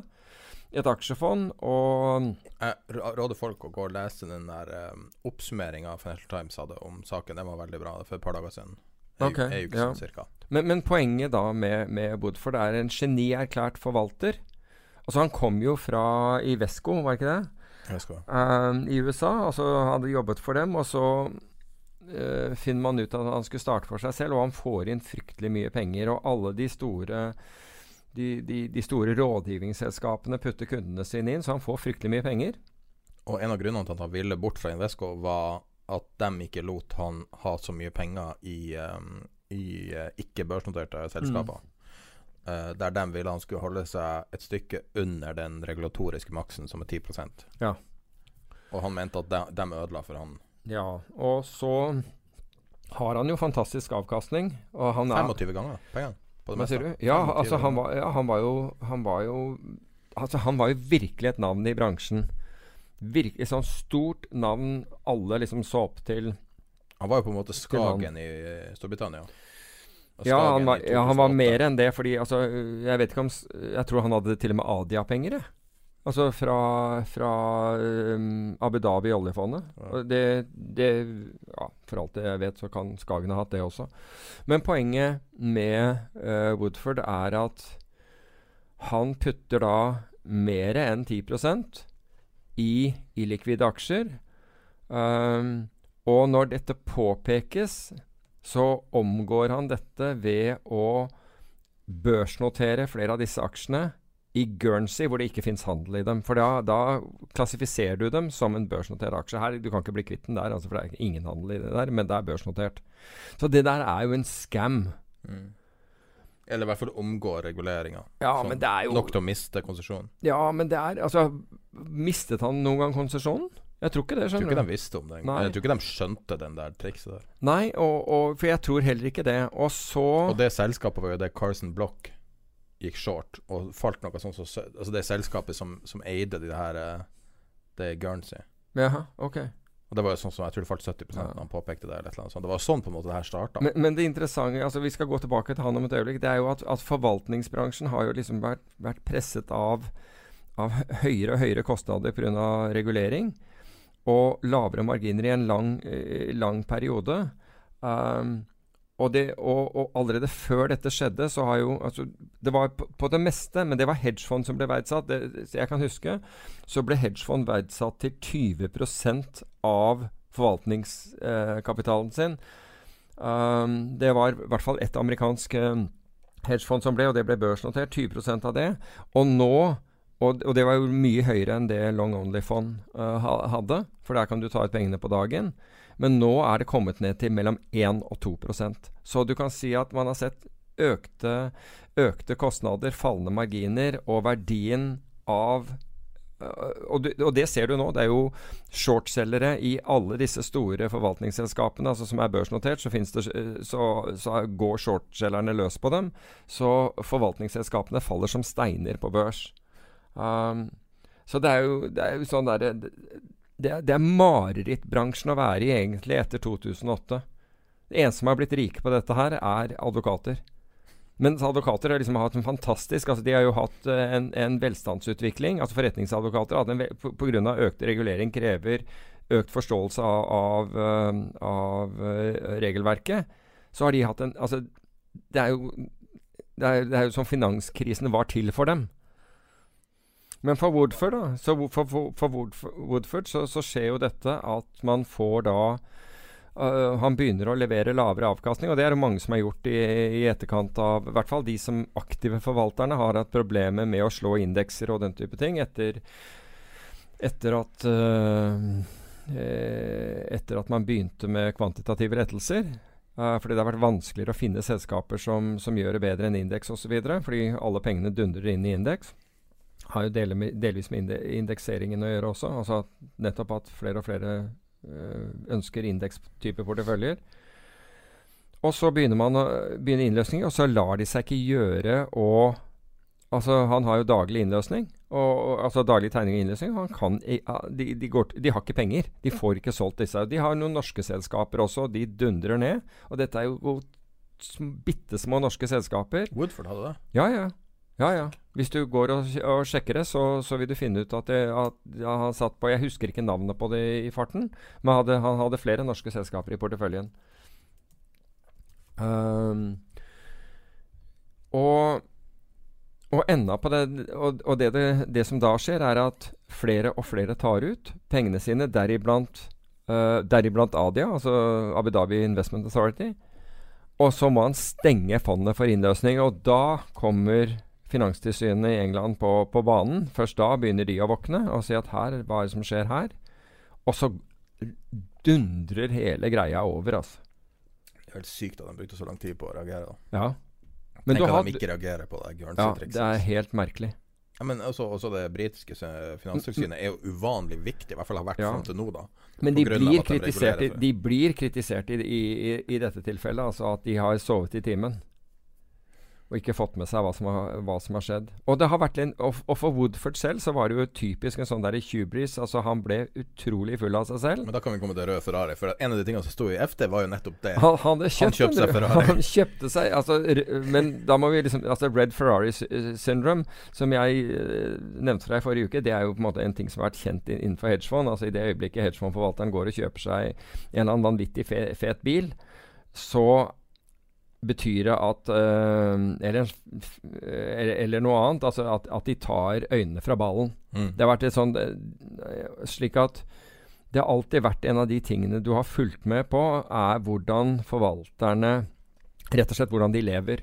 Og hvis de endrer livsstil vesentlig, så har det vært sagt at liksom, nå tar de øynene fra ballen. Jeg kan nevne mange, altså, men eh, også uh, kjente navn her i landet, men vi skal la være å gjøre det. Eh, hvor man har tatt øynene fra ball, uh, av ballen, og så har det begynt å gå dårligere. Og greiene med Woodford er jo nettopp at han gikk og kjøpte seg en rød Ferrari. Ikke bare det, men han og hans kompanjong dro ned til Maranello, og det, dette var liksom i turbulente aksjemarkeder. Det var når de skulle raise penger, tror jeg de gjorde det. Ja, så valgte de istedenfor at han sitter i markedet og tar seg av porteføljen, så drar han og, og administrerende direktør ned til Maranello i Italia, hvor Ferrari har testbanen sin for å kjøre, og blir borte her en, en uke eller noe sånt nå. Altså, de, snakk om et eksempel på, på hybris. Det er jo liksom helt voldsomt, det der at du blir så full av deg selv. Og, men, men. Det er, altså, uansett så er det, er det en tragedie når sånne Det ting er jo skjer. pensjonspenger, men det er jo Det er pensjonspenger. Det som er spesielt her, er vel kanskje at det er mye um, private mellomklassefolk som da så på han som ei stjerne, noe spesielt. Og når du ser omtalen han hadde, så, ja. så Jo, men han, han var er larger than life. Ja, ikke sant? rammet. Ja, det er det. Så, men selv om vi ikke hadde hørt om han her, så um, før, saken smalt Altså Nordmenn hadde jo stort sett ikke hørt om Han var jo ikke, han var stjerne lokalt i England, liksom. Han var, bare, han, var, eh, han var kjent i internasjonal finans. Ferdig. Okay. Godt kjent i internasjonal finans. Godt kjent. Så det er ikke bare England. Ikke, ikke på noen måte. Og, og, og derav pengene fra Altså, han hadde penger fra amerikanske universitetslegater, fra alt. En større shortskvis enn det jeg viser på, på skjermen nå. Hva sier du? Har jeg sett en større short squeeze enn Enn det her. Tesla. Ja, det har jeg sikkert, men den er jo Den er brutal, den der. altså. Ja, men det er årsaken til at man ønsker å gjøre dette her gjennom opsjoner, og ikke gjennom lineære aksjer. Den der gjør vondt. Var, jeg tror det var 28 eh, utlån til shorthandel forkant av kvartalstallene Ja. til Tesla. Ja. Og, og den er vertikal, ass. Ja. Og sånn er det jo med det der. Du har ikke en sjanse. Det bare åpner opp et annet sted. Hva du tror jeg syns om de tallene? Hva sier du? Hva, du- hva, hva syns du om de tallene? Ingen som bryr seg om hva jeg syns. Hva syns du om tallene? Jeg syns det er merkelig at det er blitt så mye bedre på så kort tid. Jeg syns det er eh, og, og det var en Nå vet jeg ikke om dette er riktig, som, som snakket om at det var en margin call i forbindelse med Solar City også. Altså det er mange ting som på en måte får meg til å stille spørsmål eh, om dette her er riktig eller ikke. Men la, la meg bare disclose én ting, bare fra starten av. Jeg har ingen posisjoner i dette nå. Det ingen, ja, men bare sånn at det ikke er noen som tror at jeg snakker min egen bok her. Uh, men jeg syns det er mye rart med denne. Jeg syns, altså Hvis det, det, disse ryktene rundt Solar City og dette her at han var, han var i nærheten av å få margin call og litt så- forskjellige ting skjer, så var det utrolig convenient med, med, med, med at man var lønnsom i kvartalet. Og det var stikk imot konsensus, og det er stikk imot alt vi har sett hittil. Så Og jeg, lavere omsetning. ja, det er så mange ting her. Omsetning kan du ikke kødde med, men, Og så, men, men og så man Det er på den ene siden, og på den andre siden så vet vi at troverdigheten til Elon Musk, den er frynsete. Altså, ta, altså, hvis det er noe galt med de her tallene, så er det her the end foran oss. ja, Det var det jo mange som trodde ved forrige også, men Ja, ja, Han sa nå sjøl at det var to uker unna konkurs, og hvor mye bedre kan det være nå, liksom? Ja. ja. Men hvis det her er noe kødd med de tallene, så må det virkelig Altså For da er det noe kriminelt bak det, liksom. Og da er det jo, men er det jo Men selvfølgelig, det har jo vært det før også. Det var jo bare en bot, så. det ble jo Ja, det ble jo argued at det var kriminelt forrige gang også, med, det, med, med fabrikasjonen av at Saudi-Arabiske oljefondet var på vei inn i, i Var ikke det 400 millioner kroner som talte bot, eller 200 eller noe sånt? Det er ganske mye, da. Ja, det er eh, Ja, men, men halvparten betalte han, og halvparten av selskapet, tror jeg. Nei, det, Så det, aksjonærene blødde for den. Men jeg har aldri sett folk bli skvisa på den måten. Altså den, Hvis du ser på det chartet Det, det er nesten, nesten tilbake på all time high fra lave nivåer. Liksom. Ja, det er, den er vond, den der. Den er veldig vond. Men jeg må jo si at jeg, jeg, liksom, jeg sitter og, og, ser på den og vurderer den og lurer på om skal jeg delta her på en eller annen måte. Om du Altså- skal gå short igjen? Ja. Hvordan måte vil du gjøre det på? Når den er så, når den er så Jeg, må, jeg, har, jeg har ikke fått sett, Siden jeg har vært i utlandet nå, så har jeg ikke fått sett og studert volatilitet og, og, og SKU og den type ting. Så jeg Altså, gjennom opsjoner, definitivt. Uh, jeg vil benytte opsjoner, så jeg må bare se mer på På På hvordan jeg, altså rett og slett hvordan jeg skulle strukturere det. Jeg har ikke fått tid til å gjøre det. Uh, vi, begynner, vi er på en og en halv time nå, Mm. så i frykt for å snakke oss helt tom, så kan du få lov å velge mellom de her fem temaene her. Hva du vil snakke om. Vi, må nesten, vi må nesten velge bort noe. Ja, men jeg, altså, jeg velger det.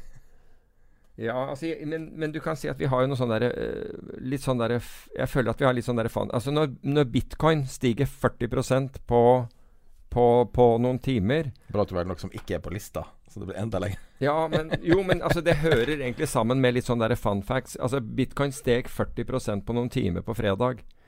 Um, og og det, det som er interessant, er at det skjer samtidig med at bitcoin har noe av det laveste volumet. Altså volumet hadde sklidd nedover på, på, på bitcoin. Vi husker kanskje at bitcoin nådde 12 000 uh, dollar. Og så begynte det å liksom så gradvis falt det og kom ned under lå lenger rundt 10 000. Så falt det ned så 9-8, og, så- og så gikk det ned under 8000 og ned til 7000. Og dette skjer samtidig som volumene krymper. Og alle gir opp dette her, og de, de får negativ omtale i forbindelse med at folk trekker seg øh, Noen av backerne, flere, trekker seg ut av den Facebook Libra, øh, som skal være en kryptovaluta. For Libra er den verste driveren her. Altså den mest Ja, negative. Ja, det var kanskje det mest negative som, så, så, som, som, som skjedde. Og så ser vi da at, eh, at eh, og, og hvorfor får eh, Facebook Libra så mye motgang? Jo, fordi altså sentralbanker og myndigheter er livredde for en valuta de selv ikke kan manipulere og kontrollere. Ja, men det var jo høring nå også. Ja, ja, det er i forbindelse med den. Og så i tillegg, bankene vil jo ikke ha dette her. For hvis du får inn kryptovaluta, så forsvinner jo massevis av marginene til, ba til, til bankene. Så de Altså, har det er jo liksom- verdens største marked de kødder med. ja, ikke sant? Så, så du, har, du har noen ordentlige sånne tungvektere, og det presset da ned kursen. Og hva er det som da skjer? Altså, og alle tenker at ah, nå har vi tatt oss av den, den greia der, nå er det ikke noe, noe problem. Nå har vi egentlig håndtert dette her. Eh, nå, nå, nå blir det ikke noe sånn, nå blir det ikke noe Libra, og vi skyver dette her foran oss i tid, og vi har masse marginer. Hva er det som skjer? Kina. Kina kommer på banen og sier at de vil gjøre dette her. Og plutselig er noe du har håndtert og føler at nå har vi virkelig strupa dette kryptogreiene. Det har jeg ikke fått med meg i det hele tatt. Har du ikke? Ja. At nå har vi virkelig strupa krypto en gang for alle. Så kommer kineserne og sier at de skal gjøre det, og som, de, som Vesten ikke har kontroll på i det hele tatt. Så det er jo helt fantastisk det som skjer, at Kina sier at vi derimot ser verdien av dette her. Og, og Kina er jo da et land som ikke kan strupe Har virkelig Xi Jinping annonsa at han skal invest heavily i blockchain? da, ikke sant? Da, Ja, da, ja, ja, ja, ja. så da plutselig så kommer Kina på banen da, og sier at de vil gjøre dette her.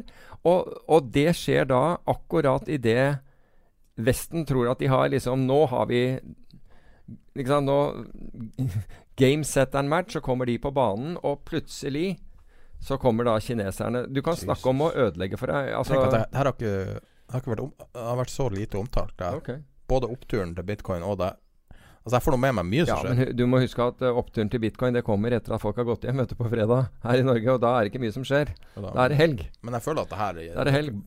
Du vet alle som jobber i bank, de drar, de tar helgen De drar på torsdag. Men Så, bitcoin så er de litt får jo glemt ikke med seg det som skjer fra, fra lunsj på, på torsdag til ut på lunsj på mandag. Ja, da er jeg klar over det. Men det finnes jo eh, nettsteder og aviser i utlandet også. Bare Bolleland, eh, Bollelandindeksen den viser jo at de fleste drar på torsdager. Ja, det, er, Um, det er ganske mye kø ut av Oslo. nå. Ja, ikke sant? Jo, men, men poenget mitt er at og, og nå har man da Men det er jo faktisk helt vanvittig at, at Kina går Ja, ja, og det Ikke sant. Nå, nå har man plutselig ikke den, den Nå trodde man endelig Nå trodde liksom regulatoriske myndigheter og banker at endelig har vi kontroll på dette. Og bom, gitt. Da skjedde det. Så det, er så det er en interessant sak. Men hva, poenget mitt hvor, Hvorfor er bitcoin interessant hvis du ser bort fra kryptovaluta og alt mulig? Og det er at kjøper du bitcoin du, kan, altså du, du kan tape alt du har investert, i verste fall. Men høyre siden av, det regn, altså av den distribusjonen kan være et, et tall som er insane mange ganger det. Og du, når du ser noe gå 40% på en ettermiddag, det er ikke mye som gjør det. Det er ikke mye som gjør det. Så, så, så hvis du leter etter en eller annen høyre hale-hedge Du vet at eh, hvis du eier aksjer, så er venstre halen Altså aksjer faller raskere enn de stiger, så du får, mm, altså du får mer smerter på kort tid hvis det faller, enn du får glede på, på, på tilsvarende tid hvis det stiger. Så er det faktisk eh, noe altså Da trenger du noe som veier opp en høyre hale. Det betyr så det er damen som DNB vil skal investere, all in i bitcoin nei, nei. nei, nei, nei. Men, men, men du kan si at å ha noe Å ha noe i bitcoin Ja, med, med Kina, Altså- altså, Jeg vil si også at eh, jeg har et familiemedlem som, som er nå i, eh, i Kina, og som driver og lærer seg kinesisk. Og jeg vil si at det er en av de største assetene du kan ha i den moderne verden, er å kunne kinesisk. Snakke kinesisk og deale med Kina. mm. Det er det viktigste landet på jorda. Og det har vi jo sett nå. Nå velger jeg tema for deg, men nå har vi sett det her nå de siste, um, de siste ukene, der at Kina virkelig har makta. Der de klarte å presse Det var jo veldig mye omtalt, at de klarte å presse NBA til å gjøre eh, si, sensurjobben for seg, fordi at det var en eh, leder av et eh, lag i NBA som som uh, tweeta negativt mot dem. Mm. Men så har du liksom Blizzard og Apple, eh, masse klesmerker, Viacom, Disney, Nike osv., osv., videre. Nå scroller jeg langt på lista over alle de merkene som i løpet av de siste tre-fire ukene har bare bøyd hodet for Kina og sagt vi elsker Kina, og vi One true China, og det, Kina får lov å bestemme hvordan verdenskartet ser ut. Taiwan eksisterer ikke som Mm. et eget land, osv., osv., osv. Sjefen for Huawei var på TV i går og sa han skulle gjerne gitt eh, Donald Trump en klem. at det er positivt for han, ja. I shit you not. ja men jeg tror også Nei, han bare sa at han karen ser ut til å trenge en klem. Men tenk deg nå Huawei, da, som har så sterk posisjon internt i Kina. Mm. Det er angivelig den, den tingen kinesere En av de tingene som kinesere virkelig virkelig er stolt av, er Huawei. Så når USA angriper deg, så forsterker det, sannsynlig, forsterker det sannsynligvis merkevaren lokalt. Mulig. Mulig det. Så de sier at, at Huawei står sterkere i Kina enn Apple står i USA. Så at det er en utrolig Men det er jo anekdotisk, så jeg bare Mm. gjentar det andre sier. Poenget er at eh, vi har sett Altså, kines, kines, altså kinesere generelt, Kina generelt, har alltid vært et internalisert rike. Hvis du ser tusenvis av år tilbake, så har det vært et rike som ikke ekspanderer så mye. De beskytter seg mot omverdenen. Det har liksom alltid vært et sånt kjennetegn med Kina. Mm. At de ikke har gått ut og prøvd å ta over land og sånt, for det er et stort land sjøl. Også nå at de går ut og, og virkelig rasler med de økonomiske sablene og sier at ikke kødd med oss. Mm. Det var en kar som trykte like på en tweet, en DJ, og så mista han alle spillejobbene i Kina. En helt vanlig En kar jeg aldri har hørt om, men sikkert ganske kjent. Fikk han uh, telefon fra agenten sa at nå er alle spillejobbene kansellert. Mm. Snakk om å ha makt. Ja. Ja. Altså, ingen, det er ingen som Hvis du ser Donald Trump, som da tilsynelatende har mye makt Kygo, følg med. Ja, men, ja, men, Ja. men seriøst, ja. Ja, ja. Altså, gjøre én jobb i Kina Altså, en, på én dag i Kina kan du tjene en milliard kroner hvis du gjør riktige ting. Ja. Tenk deg nå. Altså ikke en DJ, kanskje, men én deal i Kina, og vips, så er du milliardær. Ja. Mm. Mens i Norge så, så er du kanskje millionær. Mm. Altså Det er et, et marked som er helt uforståelig stort og viktig, og de vet nå å pushe riktige knappene. ja. Så eh, sorry. Det var, men det, det, bare, det har skjedd når du har vært på Jeg vet ikke hvor mye du har lest aviser når du har vært bortreist, men Jo, jeg har fått med meg det meste. Hongkong eh, altså det, det virker å Det virker å ha fått Kina til å trykke på nye Mm. knapper som de aldri har brukt før. Mm. Nå er det jo meg som hobbyanalytiker som sier det her, så beklager hvis du vet noe mer om Kina. Nei, nei, nei. Jeg gjør ikke det. Men uh, det er spesielt. Det, det splitter jo Altså, kommentatorteamene på NBA-studioet i USA Mm. blir splitta pga. Hongkong. Når ene sier uh, ene sier liksom Nei, Kina har rett, et eller annet. Han har sikkert eh, Mike Jeg tror det var, var det ikke Michael Jordan Charles Barkley eller noe sånt som var pro Kina. Og så Kill O'Neill var pro Hongkong. Altså, det her er snakk om Altså, det her er jo sånn sosialistmareritt. Det her er jo sånn hvis du skulle lage en film for ti år siden, så sitter de i NBA-studio og diskuterer kinesisk politikk. Mm. Det, vi er jo der nå. Vi er jo i den marerittframtida der kommunistene vant. Mm. Det er, ja, det er en spennende tid. Men altså, det virker jo ikke Fortsatt ikke som, som, som Vesten tar dette veldig seriøst. Altså, Selskapene tar det seriøst. Selskapene gjør JP det, Morgan har, Ja. har, si, JP Morgan har fortalt ansatte at de skal ikke eh, At de skal ikke recognize navnet Taiwan, Hongkong eller Macau som selvstendige nasjoner. Mm. Det har de gjort på egen fri vilje. Ja, det, men det gjør de fordi de ønsker å gjøre business med, med, i Kina. Men det er jo det du sier. Så um, For å si det sånn, se på lista her. Nå, nå viser jeg bare en liste. Jeg legger den ut i beskrivelsen, og så alt blir lagt ut på Facebook-gruppa til Tid er penger. Se på lista her over alle selskapene som, som da godkjenner som, som støtter Kina. mm, Og så er det den lille lista på slutten. Det er dem som støtter Hongkong. ja. ja. Kina har vunnet. Mm. De har vunnet den tredje verdenskrigen. Og den ble bare slåss på andre måter. Ja. Tenk deg hvis de sier at Apple ikke får lov å produsere iPhoner mer. Mm. Da er Apple ferdig. Verdens største selskap. Det, altså det vil jo ta dem årevis å klare å ta igjen. Det er rart at de ikke bruker makten sin uh, større, altså mer i, denne- i den handelskonflikten. Men uh, igjen, kineserne tenker sikkert 100, kanskje 1000 år frem, frem i tid. Altså, han er jo president ut livet, så han har jo god tid på seg til å Ja.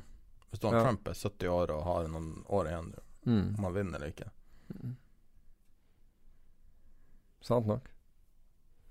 Men uh, nå begynner jo altså Hvis vi skifter litt på den, så, så begynner jo malayserne å, å, å få litt makt også. Fordi uh, denne saken har vi jo omtalt tidligere, den med 1 MDB, som er da det malaysiske uh, tilsvarende oljefondet, som da ble svindlet for mange milliarder dollar. Bl.a. ved hjelp av Goldman Sachs.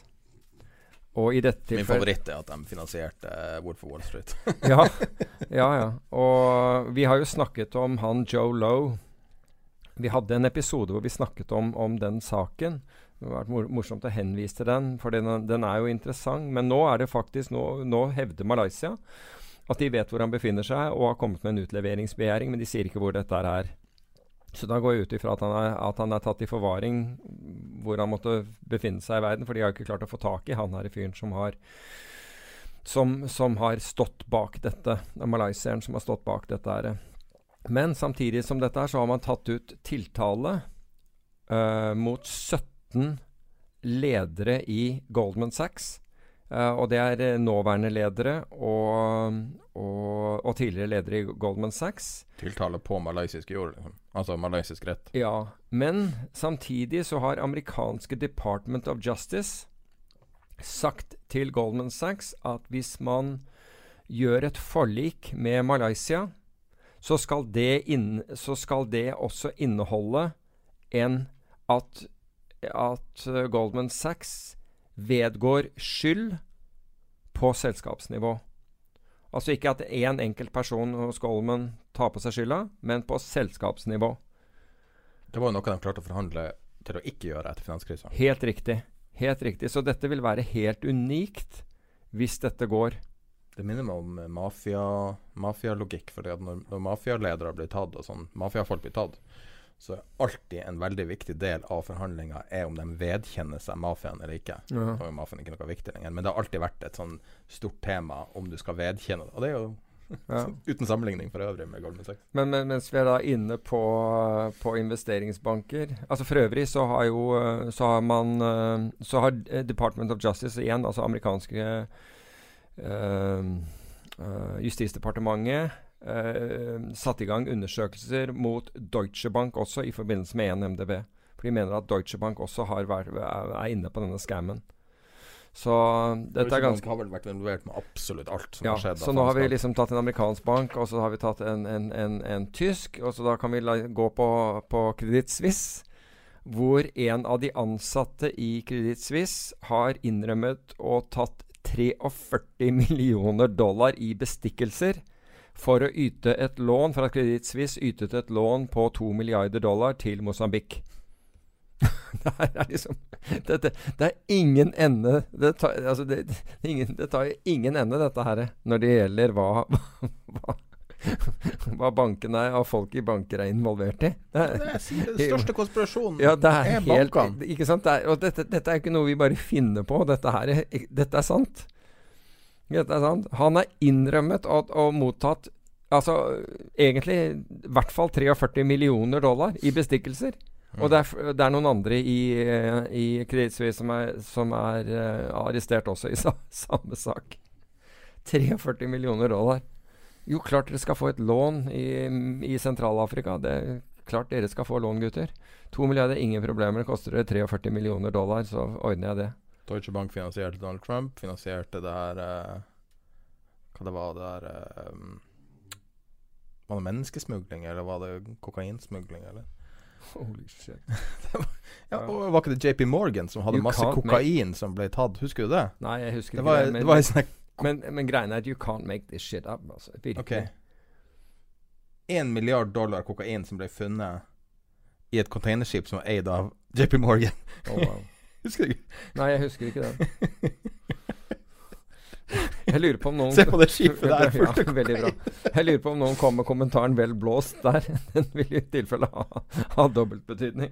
39 500 oh, pounds, ja. eller 17,9 metric tons av kokain. Ja, og, vi, og, og, og, Riktig. Og man hevder at dette er, den der norske serien Exit er overdrevet. Ja. og så er det bilde av, bildet av uh, Jamie Diamond. Ja. Det er um, Det har blitt vitsa utrolig mye med at uh, at de brukte det her til fester og sånn. Ja, hva var, det, hva var det han uh, Jannik Iversen, han, uh, han megleren I fare for å kalle han, kalle han noe annet. Megleren Jannik Iversen som ble dømt til ett år og åtte måneder, sa om dette med om, om Exit. Han sa det nådde ikke han til anklene. Så Håper ikke jeg ringer på døren i kveld. jeg, skulle, jeg, tenkte jeg skulle si det. Ja. Mulig vi klipper akkurat den. Liksom. Nei da. Nei da, han er sikkert en ålreit fyr. Han, han, har jo eh, Ja, jeg sier, jeg sier ingenting, altså. men um, nå har vi holdt på 1 time og 40 minutter. Vi har et par-tre tema igjen. Men jeg, har vi? Okay, vi, vi har drukket opp Red, eller nesten drukket opp Red Bullen og ja, kaffen og alt ja, sammen her. Så Pluss at jeg må klippe alt på slutten, så det kan ikke være for langt heller. Syns det er fornuftig. Nei, men da tror jeg vi avslutter, og så skal vi spille eh, et utdrag fra den siste episoden av Erik Hansen sin podkast eh, som heter Børssnack. Og det er mulig at det er snack eller snakk, jeg er ikke helt sikker på det, hvordan svenskene staver det, men det, det snaves noe som snacks på norsk. Med Hansen og Olavi. Så du kan finne også link til det i beskrivelsen av podkasten. Og eh, du kan eh, finne det som en link på uh, Facebook, i Facebook-gruppa til Tid er penger. Ses om to uker. Hej och hjärtligt välkommen till Börssnack. Podden som handlar om börsen och allt annat relevant som styr de finansiella marknaderna. Erik Hansén heter jag, jobbar som marknadsanalytiker på IG.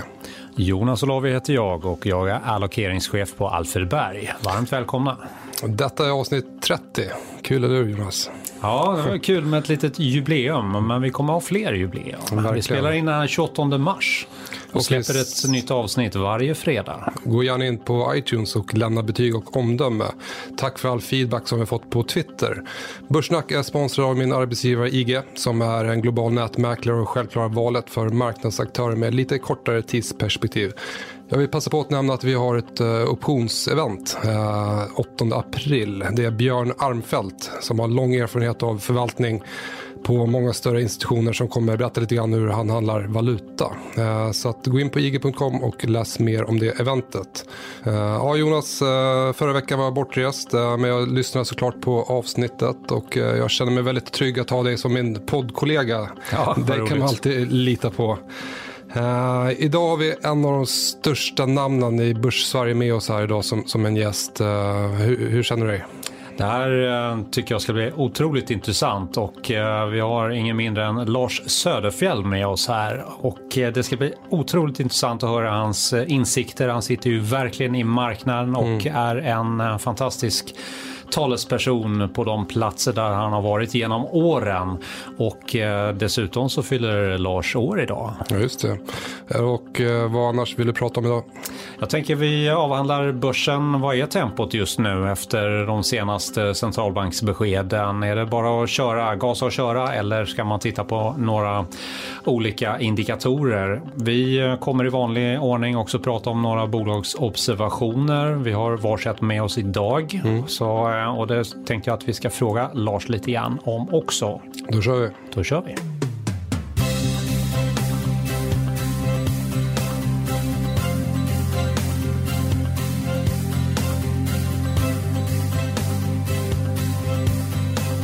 Börssnack med Hansen och Olavi. Ja, Erik, du var och slipade golfformen förra veckan. Hur gick det? Kommer det bli en bra säsong här? Ja, men det känns väldigt eh, positivt här inför säsongen. Jag var nere i Marocko på, på en träningsvecka. Det var två golftränare och ett gäng golfintresserade människor där, så det var väldigt eh, kul. Eh, jag tog upp golfen här för två år sedan nu. I bakgrund av att jag, jag slutade dricka alkohol helt och hållet. Det blev för mycket festande och för mycket underhållning ute med kunder och sådär. Eh, så jag kände lite grann att jag behövde en ny hobby og och då tog jag upp golfen igen och det, är en fantastisk sport. Man måste hela tiden vara närvarande, eh, ha en god förmåga att kunna hantera sina känslor. Lite grann som på, på börsen. Absolut, så är det. Mm. Vi har ju spelat några runder ihop och ja, det kommer bli en bra säsong för dig tror jag. Så ja. att, giftigt att du börjar säsongen sådär tidigt. Ja, annars då Jonas, hur känns läget på börsen här i dagsläget? Det har varit rätt okej okay då, även om vi har fått en liten rekyl. Och Eh, mycket handlar ju om att eh, Federal Reserve verkligen har ehm, släppt på bromsen och nu prisar ju marknaden in en ehm, räntesänkning till och med. Det var ju inte någonting vi var beredda på för bara två, tre månader sedan när vi såg framför oss åtminstone två höjningar till. Så de har ju lyckats mikromanagera förväntningarna på ett fantastiskt sätt och det var ju också det som skapade det här börsrallyt då, som tog start efter i princip julafton då. Um, nu uh, har de ju mer eller mindre befäst den här mjuka um, stämningen då att uh, vi kommer behandla data väldigt varsamt här framöver då. Jag tror marknaden i och för sig överdriver den här pessimism. Men när två stora centralbanker ändå säger att um, läget ser sämre ut för tillväxten. Tired of ads barging into your favorite news podcasts? Good news. Ad-free listening is available on Amazon Music for all the music plus top podcasts included with your Prime membership. Stay up to date on everything newsworthy by downloading the Amazon Music app for free or go to amazon.com slash news ad free. That's amazon.com slash news ad free to catch up on the latest episodes without the ads.